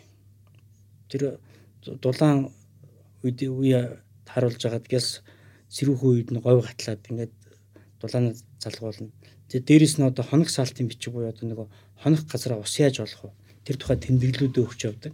Тэгээ чинь төв төртөл мориор явдаг, тэмээгээр явдаг, явган явдаг гурван янзын замтай. Дунд нь хатан голыг гарна. Хатан голоо яаж гарах вэ? Хатан голыг гарахын тулд одоо ямааны тулман одоо хөрөг одоо үлээгээд тэрэн дээрээ гарна. Ямар ч амтан одоо мал тэмээ чинь хатан гол гарч чадахгүй шүү дээ. Тэгээ тэр интерес ахуулаад бол их олон одоо жижиг сажиг юм идэл хэрэгслүүд байдаг. Энэ хэрэгслүүд бол одоо сүүлчийн бадарчингууд бол ингээд 60 70 онд гэдэг юм эсвэл өөр хүмүүс нөгөө бадарчингуудын хэрэгжилж исэн эд хэрэглийн зүйлийг үзэд өгснөх байдаг. Одоо өсгөлийн жаргал сум гэхэд л одоо нэг бадарчингийн эд хэрэгсэл байна. Үндэсний түүхийн музейд 2 3 иж бүрдэл байна. Тэгэхээр тэр дотроос нэг өөрийгөө эмчлээд явах манхаг гэдэг өөрийн бас хэрэгэлдэг юмнууд байна тийм ээ. Өөрийгөө ханж хатгадаг хутга байна өөрөө өргөл имсэн ш тэр чинь ангаахын бас давхар сурахгүйгээр тэр хүн чи явахгүй нэг булан тойрол тогтоно. Тэгээ яг ер нь энэ Бадарчингийн тухайд бол нэг юм 2 3 зүрс зүг гэдэг юм л да. 70 гүвээ давсан хүнийг Бадарчин гэж хэлнэ гэж байна. Тэгээд нэг гүвээ гэдэг нь одоо нэг богдуур шиг ийм том уулыг давсан хүнийг 70 тийм уул давсан хүн бол амьдралын туршлагатай байна да. Бас гадаад хэл сурна тийм одоо дамжин өнгөрөх улсуудтайгаас хоолнд олж. А нөгөөдгөр бол одоо хүрээнд багтаагүйг нь бадарчин гин хүүхэнд багтаагүйг нь гавж гинэс нэг тийм үгтэй. Ер нь бол одоо энэ байгаа нийгэмтэй таараагүй ч гэдэг юм уу те өөрийнхөө одоо зам мөрийг гаргана гэж бодсон тийм хүн бас бадарчлаад явдаг гэж. Тэгэхээр бадарчин бол Монголоос төвдрөө явдаг хүмүүс байна. Монгол дотроо одоо бас эрдэм чадaltaй хүн бол өөрийнхөө одоо э, сүм хийд өөрийнх нь дэг сурвалжийг гаргахын тулд ингээд хүмүүсээр яваад тэр хүн үнэхээр чадaltaй тэр хүний одоо бурхны шашны номыг сураад хүний амьдрал дээр одоо яг хэрэгтэй гэдгийг тэр нотолж чадж байгаа тийм практичнэрүүд байхгүй одоо практик одоо дадлагжигч тийм практик туршигч туршигчд байхгүй юу практик тэр тэр утгаараа бол одоо бадарчин бол тийм дотор хоёр янз л да. Тэгэхээр бол бас хажуугаар нь жодл үжингийн лам нар энийг бол одоо барууныхан мэдэхгүй болохоор ингээд одоо гол дунд нь бол одоо нийт нь бадарчин гэсэн одоо юм нэр цологцсон тийм болохоор бол үүнтэй холбоотой судалгааг бол би нэг тийм нэг бас сайн багшийн одоо ачаар тийм бадарчин гэлжсэн бадарчин хүний одоо их ойр байсан бадарчин хүний дурсамж гэдэг хэд хэдэн тийм зүйлүүдийг л 90-ад онд одоо дөнгөж судалгаа эхэлж чадаа бол олж үзсэн. Бас таарсан. Амь дээрийг нь сонссон. Энэ зүйлч нэг одоо нэг салхины амт аав гэдэг шиг тэр амт аваад тэгээд одоо нэг 30 жил бол үндсэндээ баг багаар ингээд туршиж үзье. За энэ майхныг ингэж хийвэл яа тийм. Одоо чин дээр хавчуу гүрэг гээд хоёр модчнол пад гээд одоо энэ нэг хүний майхан гараад шүү дээ. Тэр миний хүний майхан шиг болчихж байгаа шүү дээ. Тэгээд тэр нэг хүний майхны чин даав нь өөрөө үр гөвчнийхээ даав болчихж байгаа юм чих. Нэг зүйлээ олон дахин хэрэгэлдэг. Тэгээд тригээрээ одоо тэр усанд орохоос ахуулаад те өвдөж хавдах дарахгүй байх. Тэгээд тэр дээл хувцс бүх тэр технологиудыг бол бүгдийг ингээд яг үнэн байж уу худлаа байж уу гэдгийг үзээд сүүлд нь нүүр Монголд бас бадарчин хийж явдаг хүмүүс их байж. Тэр хүмүүсийг судалгааж явахдаа яг амьдралын технологи тий яг ийм үед яадаг ийм үед яадаг нохоо ингээд ирэхээр яаж одоо бие хамгаалт юм. Тэгэл энэ митийн зүйлүүдийг ингэж нэг судалсаар байгаад нэг 2 жил туршиж үзэж जैन. За яг ер нь бол нэг л зүйл дээр бол одоо харьцуулж болно доо. Одоо Монголын газар үндэс гэдэг чинь их хатуу ширүүн уур амьсгалтай. Одоо чиний нөмсөж байгаа гутлыг ус туулъя гэж бодъё л доо. Хэдэн минут татах вэ? Хэр хугацаа зарцуулах вэ? Тийм ээ. Энэ дээр бол тэр одоо жинхэнэ одоо амьдрал дээрх шалгарал нь харагддаг. Бадарчингийн гутал бол ерөөсөө аа ширэн галошноос нь эсхий амьсаа гаргаж гал татаагаад 10 минут татчихна. А одоогийн энэ брендийн одоо энэ аялын гутал бол 3 хоног хатахгүй. Жигтэй л яа тийм ээ. Тэгээ зүгээр нэг ойрхон хугацаанд зөвхөн дээшээ ууланд авирах ийм л одоо э, технологи хөгжүүл энэ дээр бол одоо энэ тий альпинизм буюу одоо энэ уулын спорт зориулсан брэнд хөгжиж байгаа болохоос биш уртын тийм 4000 км-ийн урт зайны тим спорт одоохондоо дэлхий дээр алга. Тэгэхээр бол энэ өрсөлдөгчгүй брэнд байхгүй. Тэгээ энийг яг тэ бурхан буян амлаад чөтгөр чөлөө олгол би одоо нэг дахиад нэг 2 3 жил яваад туршаад бүх зүйлийг нь баримт кино болгож үлдээн гэж бодож байгаа. Тэ. Энэ бол миний өмч биш. Энэ бол Монголын ард түмний 2 300 жилийн туршид одоо бий болгосон өөрийн соёл одоо юу гэдгийг те брэнд. Тэг нэг ч гэсэн хүн өөрийнхөө эрхчлөлөг олохын тулд сэтгэлийн эрхчлөлөг олохын тулд Тэгэл нэг ажлаасаа халагчлаа гээл арх угаал дэлж байгаа л гудамжин шүлсээл явах шаардлага байхгүй шүү дээ. Тэгэл өөрөө бадарчныхаа эд хэрэгслийг билэл гараад алхал та сая 500 мянган хатад 400 км нутаг байна. Тэгээ явж байгаа өхөл тэр аз чинь өхгүй иргэд ирэл одоо хойгч тий. Тийм л зүйл. Амьдрал гэдэг өөрөө яг ийм зүйлээр л хатуу. Харин нийгмээс авсан тийм шарах гэдэг юм одоо тийм хүн цохилтонд бол өөрөө өөрийгөө эр хүн бол авч гарах хэрэгтэй. Тэгээ энийг бол гэр бүл дотор биш гудамжинд биш яг цор ганцаараа майханд шүн хонжиж энэ бүх зүйлээсээ гомдлоосоо атаархлаасаа салдیں۔ Энэ зүйл одоо бадарчин хүний амьд үг шүү те. Амьд сургаал шүү. Тэгээ өөрөө би дээр үдсэн учраас тийм зүйл тохиолдог бол би бас явахгүй юм лээ. Яг тийм зүйл тохиолдсон учраас яваад тэгэд явгаа алхахад бас бодол сайхан зэгцэрнэ. Тэгээд ингээд бол ер нь сахарын бүхэл буурна. Тэгээд маш олон сайн талтай. Турна. Тэгэхээр та ингээд яг төвд судлаач гэж явж байгаа. Аа нөгөө талаас та бас мэдээж судлаач хүн бол мэдээж бас дуран бүтээл гэж ярьж штэ мэдээж. Би тэр бид оч. Тий. Их сургуульд байж хахад би нэг асуулт асуужсэн юм а яг. Хинс. Одоо чин Римбучигийн Далай ламын баруун гартлын нэг Америк доктор байсан уу? Римбучи цолтой. Тийм мэдгүй би нэрийг мэдгүй смарт. За юу гэж асуусан тэгээд. Ер нь би яг тухайн үед нөгөө яг шашин судалж байгаад тэгж асуусан. Зүгээр нөгөө энгийн хүмүүс ингээд нөгөө ном уншиж байгаад номны цагаан солиод тусчдаг шүү дээ. Аа буддийн шашинд болохоор судар уншиж ном уншиж байгаа л гэсэн үг. Тэгээд тэр хүмүүс яагаад галзуурах энэ хоёрын ялгаа нь юу? Танихаар би ингэж асуужсэн л та. Тэгээ надаа одоо шиний ярьж байгаа зүйл бол нэгдүгээр тийм ба ном гэдэг зүйл маань өөрөө хүний сэтгэлийг засах гэсэн утгатай үг юм шүү дээ. Аа энэ цаасан дээр цагаан цаасан дээр хараа хөвсөн болгон сэтгэлийг застаггүй байхгүй юу?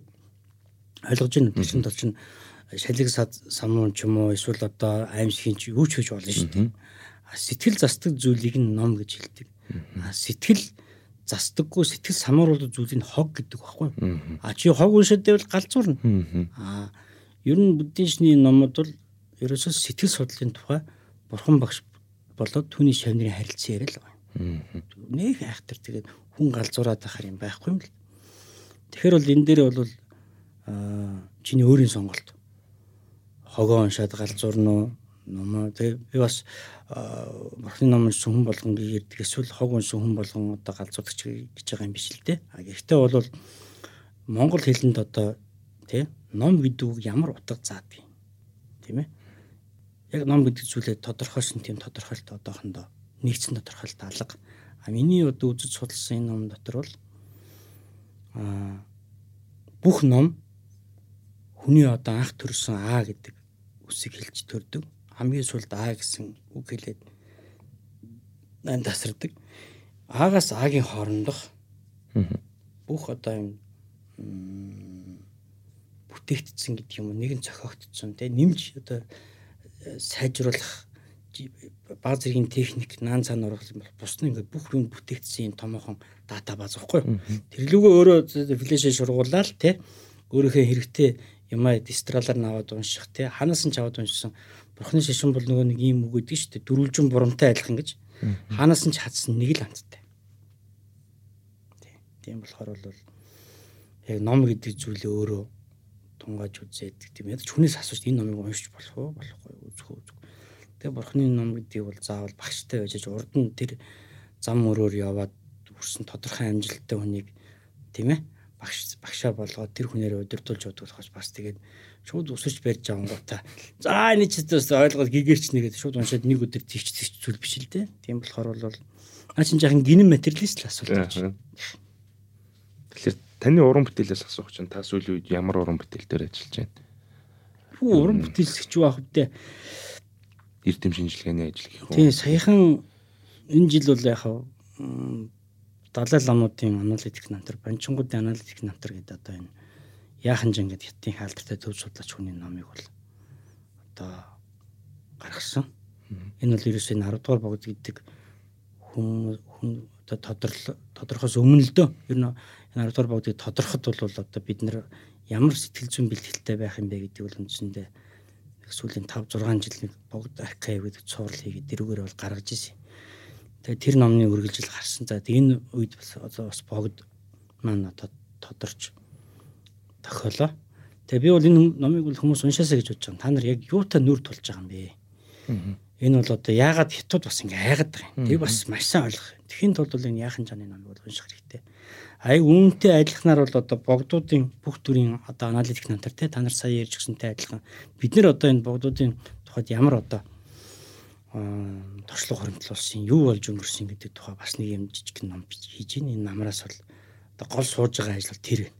Энэ жилийн үед би одоо нэг өвдгөндөө бэлтгэл авцсан. Тийм учраас л одоо эмчилгээ хийлгээд гэдэг юм уу. Одоо энэ өвдгөнийхээ бэлтгэлийг зүгээр зүгээр боллоо одоо юу яаж гин өнжиж гин нэг явж чадахгүй. Явах гэж үзээд бол ерөөсөө нөгөө юугаа ачаараа дийлэх дийлэхгүй байгаа юм лээ. Тийм учраас бол энэ өвдгөнийхээ бэлтгэлийг арилсны гэрсний дараа бол ер нь явъя гэж тооцоод тэгээд номон дээр сууж за тун удалгүй бол бид нар би одоо энэ бадралтайгаа найзартайгаа нийлээд манай өрөө хөгүүд бол бас сав шим гэдэг шин одоо видео проект эхлүүлнэ. Тэгэхээр тэр үеэр л одоо болж өгвөл одоо бурхны шний тухай бурхны шний нүдээр энэ ертөнцийг харсан тийм гэгэрлийн контентууд маш одоо ухааны хэлбэршүүлсэн тийм зүйлүүд хийх санаа байна. Тийм учраас бол одоо уран бүтээл гэх юм уу? Уран шинжилгээ гэх юм бол энэ хоёр л одоо болно л доо уран бүтээлийн хувьд бол би уран бүтээл гэж хэлж чаддгүй юм. Ягаад гэвэл хүнд хэрэгтэй монголчууд ийм ном унших хэрэгтэй гэдэг энэ зүйл дээр л сүүлийн 10 жил одоо уран бүтээлийн зүйлийг хаяаж хийгээд одоо нэг 70 80 ном хийжлээ. Одоо бол ерөнхийдөө бас энэ номын ертөнцөөс бусад хүмүүстэй одоо орон зайгаа тавьж зодог тайлаад одоо видео контентын контент руу одоо видео контент руу орно гэсэн л зорилготой. Энэ нэлээд хэд хэдэн зохиол одоо бичиж байна. Би бол одоо зөвхөн одоо судалгааны үндэснээр зохиол бичдэг. Баримт кино баримт кино тийм баримт контент. Тэг яг зөв нууцаас нь задлахад би нэг идиш буюу одоо монголчуудын хоолоо яаж бэлддэг юм, махаа яаж бэлддэг энэ төр тухайд хийж байна. Монгол нохойны тухай нэг одоо гоё контент хийж байна. Мэдээж одоо энэ Бадарчингийн тухай контентууд эхэлж байгаа. Энэ намраас өвлөс зураг авалтна эхэлнэ Тэгэл одоо яах вэ? Бэлтгэл ажиллаа хийгээл, дороо аваад нисгээл, камерынхаа өнгөрийг зохируулаад тэгэл. Тэгээс сууж байна. Тэгм яг за ер нь Улаанбаатараас ирж байгаа подкаст ерөнхийдөө сүүлийн хоёр асуулт. Тийм бас яг нэг эхлээд асуусан шүү дээ. Уламжлалт асуулт. Ер нь энэ яг соёл гэж яг юу гэлдэм бэ те? Соёлыг яаж өвлүүлт юм болоо? Соёл гэдэг бол шашин. Өнөөдөр бол Монгол улс бол яг ханаас ирсэн ямар соёлтой үдээр нэгдсэн хариулт олж чадаагүй. Ер нь одоо манай зарим одоо хэд мэддэг хүмүүсийн ойлголтоор бол харь гарагаас зөвхөн монголчуудын соёл ирэлт зүйлийг нисдэг тагаар авчираад энэ цацчаа гэсэн шиг болгож байгаа юм. Тийм биш. Соёл гэдэг бол олон шашин, урт хугацааны одоо хувьсэл, найс цаашаа нүүдэл тийм ээ. Олон түүхэн үйл явдлын одоо үр дүнд бий болдог. Гэхдээ тогтмол байдаг биш. Мөнхийн одоо хөдөлгөөн өөрчлөгдөж хөдөлгөөнтэй юм зүйл. Тэгэхээр бол энэ бол итгэл үнэмшилтэйгээ холбогддог юм. Тийм учраас шашин гэдэг бол соёл. Тэ? Соёл гэдэг чинь шашныхаа үр шим юу? Шашин гэдэг чинь ингээ байж лээ. Тэр энийг бол хинч айлгаж чадахгүй. Тийм л юм байна. Өнөөдөр одоо ингээд яриад шүү соёлын сэргэлтэд соёлын сэргэлт чинь ингээд нэг хэдэн хүн машин суугаад гүйж очиод хөдөөний сумын төв өшгөчхөөс ирчдэг гинэ. Тийм биш шүү дээ. Энэ бол тийм биш. Энэ бол яг хөдөө орнот очих юм бол сүүлийн 30 жил монголчууд сүмэл ирсэн байна. Тэр сүмнэл хөрөнгө оруулна. Тэр лам нарын бэлдэн, лам нарын одоо юу гэдгийг тэр дагсан одоо жижигхэн уламжлалт имлэг юм уралх ухааны юу байх хэвээр. Одоо чи соёл гэдэг нэг юм анзаарлаа та. Өнөөдөр Монгол улсад хүн нас барахад тэр хүний мингний бурхны хятаас авдаггүй байхгүй. Монголд хангалттай өөрийн зураач нар байдаг бурханч нар ийм соёлыг Пүрбат гэдэг хүн 20 жилийн туршид 500 хүн бэлдэж энэ зах зээлийг хангасан байхгүй. Одоо тэр хүмүүсд нь дахиад хүмүүс сургаад цаашаа өргөжөд явж байна. Бид нар зүгээр соёлын хувьд хятаас хамаатай хятаас огт авдаггүй зүйл жишээ нь бурхнаа өөртөө бүтээдэг. Энэ бол соёл. Саяны харин яг сая яриан дээр дахиад өөр нэг мас байхгүй. Манайх нөгөө энэ гэхдээ яг ямар шашныг би бас мэдэхгүй л те. Аа алтай хайрцаг нь хэлгүүлнэ гэж яриад байдаг шүү дээ. За одоо болио. Одоо өстэй энэ үрээд. Би бол одоо наадах ч гэсэн яг ламп шатах гэж энэ тарих. Жижиг хуучин телевизээр ламптай байсан мэдхүү. Тэгээд яг Яг энэ одоо энэ дээр бол тэгэл далай ламаас асуулаа. Энэ бол одоо байхаар барахгүй монголчууд ер нь бол монголчууд яг өөрсдийнх энэ бол ийм ийм юм байна л да. Ер нь бол энэ алтан савны гэдэг энэ бас энэ хүчтэй монголчууд донд орж ирэх болсон шалтгаан бол асар олон хүмүүс дайнд яваад насварсан юм. Тэр дайнд яваад насварсан хүмүүсийн арг эрт биш тий. Энэ улс их орон тэр үеийн хаад нойч бас нэг одоо арг ирийнх нь сэтгэл санааг одоо дэмжсэн гэдэг юм уу одоо юу гэсэн нэг тийм зүйл хэрэгтэй байсан байхгүй юу? Ер нь тэр одоо утгаар бол одоо энэ нэг ёсны одоо алтан савн хэлсэн. За дараа нь бол ерөнхийдөө одоо зөвхөн хэлж ирсэн хүүрэн байхгүй. Хүн өөрөөсөө оршуулж чадахгүй. Тийм тохиолдолд одоо энэ алтан савын сандар гарч байгаа энэ зүйлүүдээр нэг хэсэг бол одоо оршуулгын зам үйл явсан. Дараа нь коммунизмын үед ирээд бол одоо хүн хөхгүй өдөр оршуулахгүй өдөр гэж байхгүй шүү дээ. Энэ коммунистууд ч нөгөө нэг тэр үед ганц нэг машинтай. Тэгээ нөгөө 52 онд одоо энэ чойволсон оршуулснаас хойш заавал хар улаан тав үйдэг машин дээр зургийг авч явдаг. Тим зүйлийг чинь нөгөө нэг машина ажил хийлгэхийн тулд нэгт 3 5 дахь гэдэг өдөр одоо тийм өөрчлөлт оруулад тэгээ энэ оршуулгын ёсч бүр ингээд хөгийн болгоцсон байхгүй. Яг алтан сав нь яг коммунист алтан сав уу Тэгээ тэрний өмнөх үеийн алтан савын тэр нь одоо мэддэхгүй болцсон. Тэгээ тэр зурхаа зурж исэн улсууд нь ч тэгээд ер нь энэ алтан сав гэдэг юм биш үү? 80-ад оны сүүл 90-ад оны хэрэл сая сэргэлээ. Тэрнээс урд одоо нэгт 3 5 дахь өдрөө одоо ойрхон хаана тэр нь л аваач хайждаг байсан шүү дээ. Ер нь бол их харигс. Харин энэ алтан сав гэдэг зүйл чинь гарч ирсэн тэр өстэй хүндлэх тэр хүндлэл гэдэг юм хүнлэг ёс гэдэг Монгол хүнд буцаагаад бий болгосон. Хоёрдугаар Монгол хүн бол хизээч буян хийдэггүй бөгөөд ойр дотных нь хүн нас орсон 40 сонирхол чихэн зүйл юм бид. Тэгэхээр энэ бол одоо Монголд хүмүүнлэгийн одоо маш том үүрэг нөлөөтэй зүйл байхгүй. Тэрийг тэгэл талаасаа бол соёл гэх гээд байгаа шүү дээ. Тий соёл шүү дээ. Тий соёл. За ингээ Улаанбаатараас ирж байгаа подкаст энэ хүрээд өндөрлөж байна. Өнөөдрийн манай зочноор нэм очрах оролцсон явдал баярлалаа. Танхаа банд. За баярлалаа ингээд сонсч сонсогч та бүхэндээ энэ одоо авахыг аваад хайхыг хаяарэ. Би бол одоо тэгээд доллар биш учраас хүн болгон таалагдах гэж ярьдаг. Өөрийнхөө байгаагаар бай гэж боддгийн. Тэгээд бас би намайг бол бас сайн муулаарэ гэж бодож байна. Би бол хүнд ингээд ухаантай энэ хүн ямар ухаантай юм бэ тэргээл те одоо магтахдах гэдэг юм уу тийх айгу дургу. Ер нь бол намайг үзий ядаа сайн номын хулгайж худал далан худалчд юу ч гэсэн нэрлэдгийн тэргээр бодосоо гэж байна. Яг л тэгвэл тэр над засал Би тэгэл ингээл одоо яваад ах сонирхол алга байна шүү дээ. Уул нь бас нэгт ингэж яриж гэж бас бодохоо болчихсон сүүл үед бол. Яг одоо хийж үзүүлнэ. Гол нь одоо 50 настай тэгээд ингээд контент руу орж байгаа болохоор нөгөө бодох хугацаа маш их анхаарлаа төвлөрүүлэх хэрэгтэй болно. Тэгээд бол ерөнхийдөө одоо би бол одоо ингээд танай подкастер нэг хэсэг завсарлаа харааж явч дуудахын, зурагч дуудахын сонин дээр ярьцлах юм. Би одоо энэ жил нөгөө 100 яваагүй ингээд нэг 5 6 7 сард Улаанбаатар хот байсан. Би одоо сүүлийн 2 сард Улаанбаатарт. Энэ хооронд одоо хийчнээ ч удаа яриагүй одоо боли гэж бодож байна тий. За ингээд танд. Тий. Тахаа бандуулаа.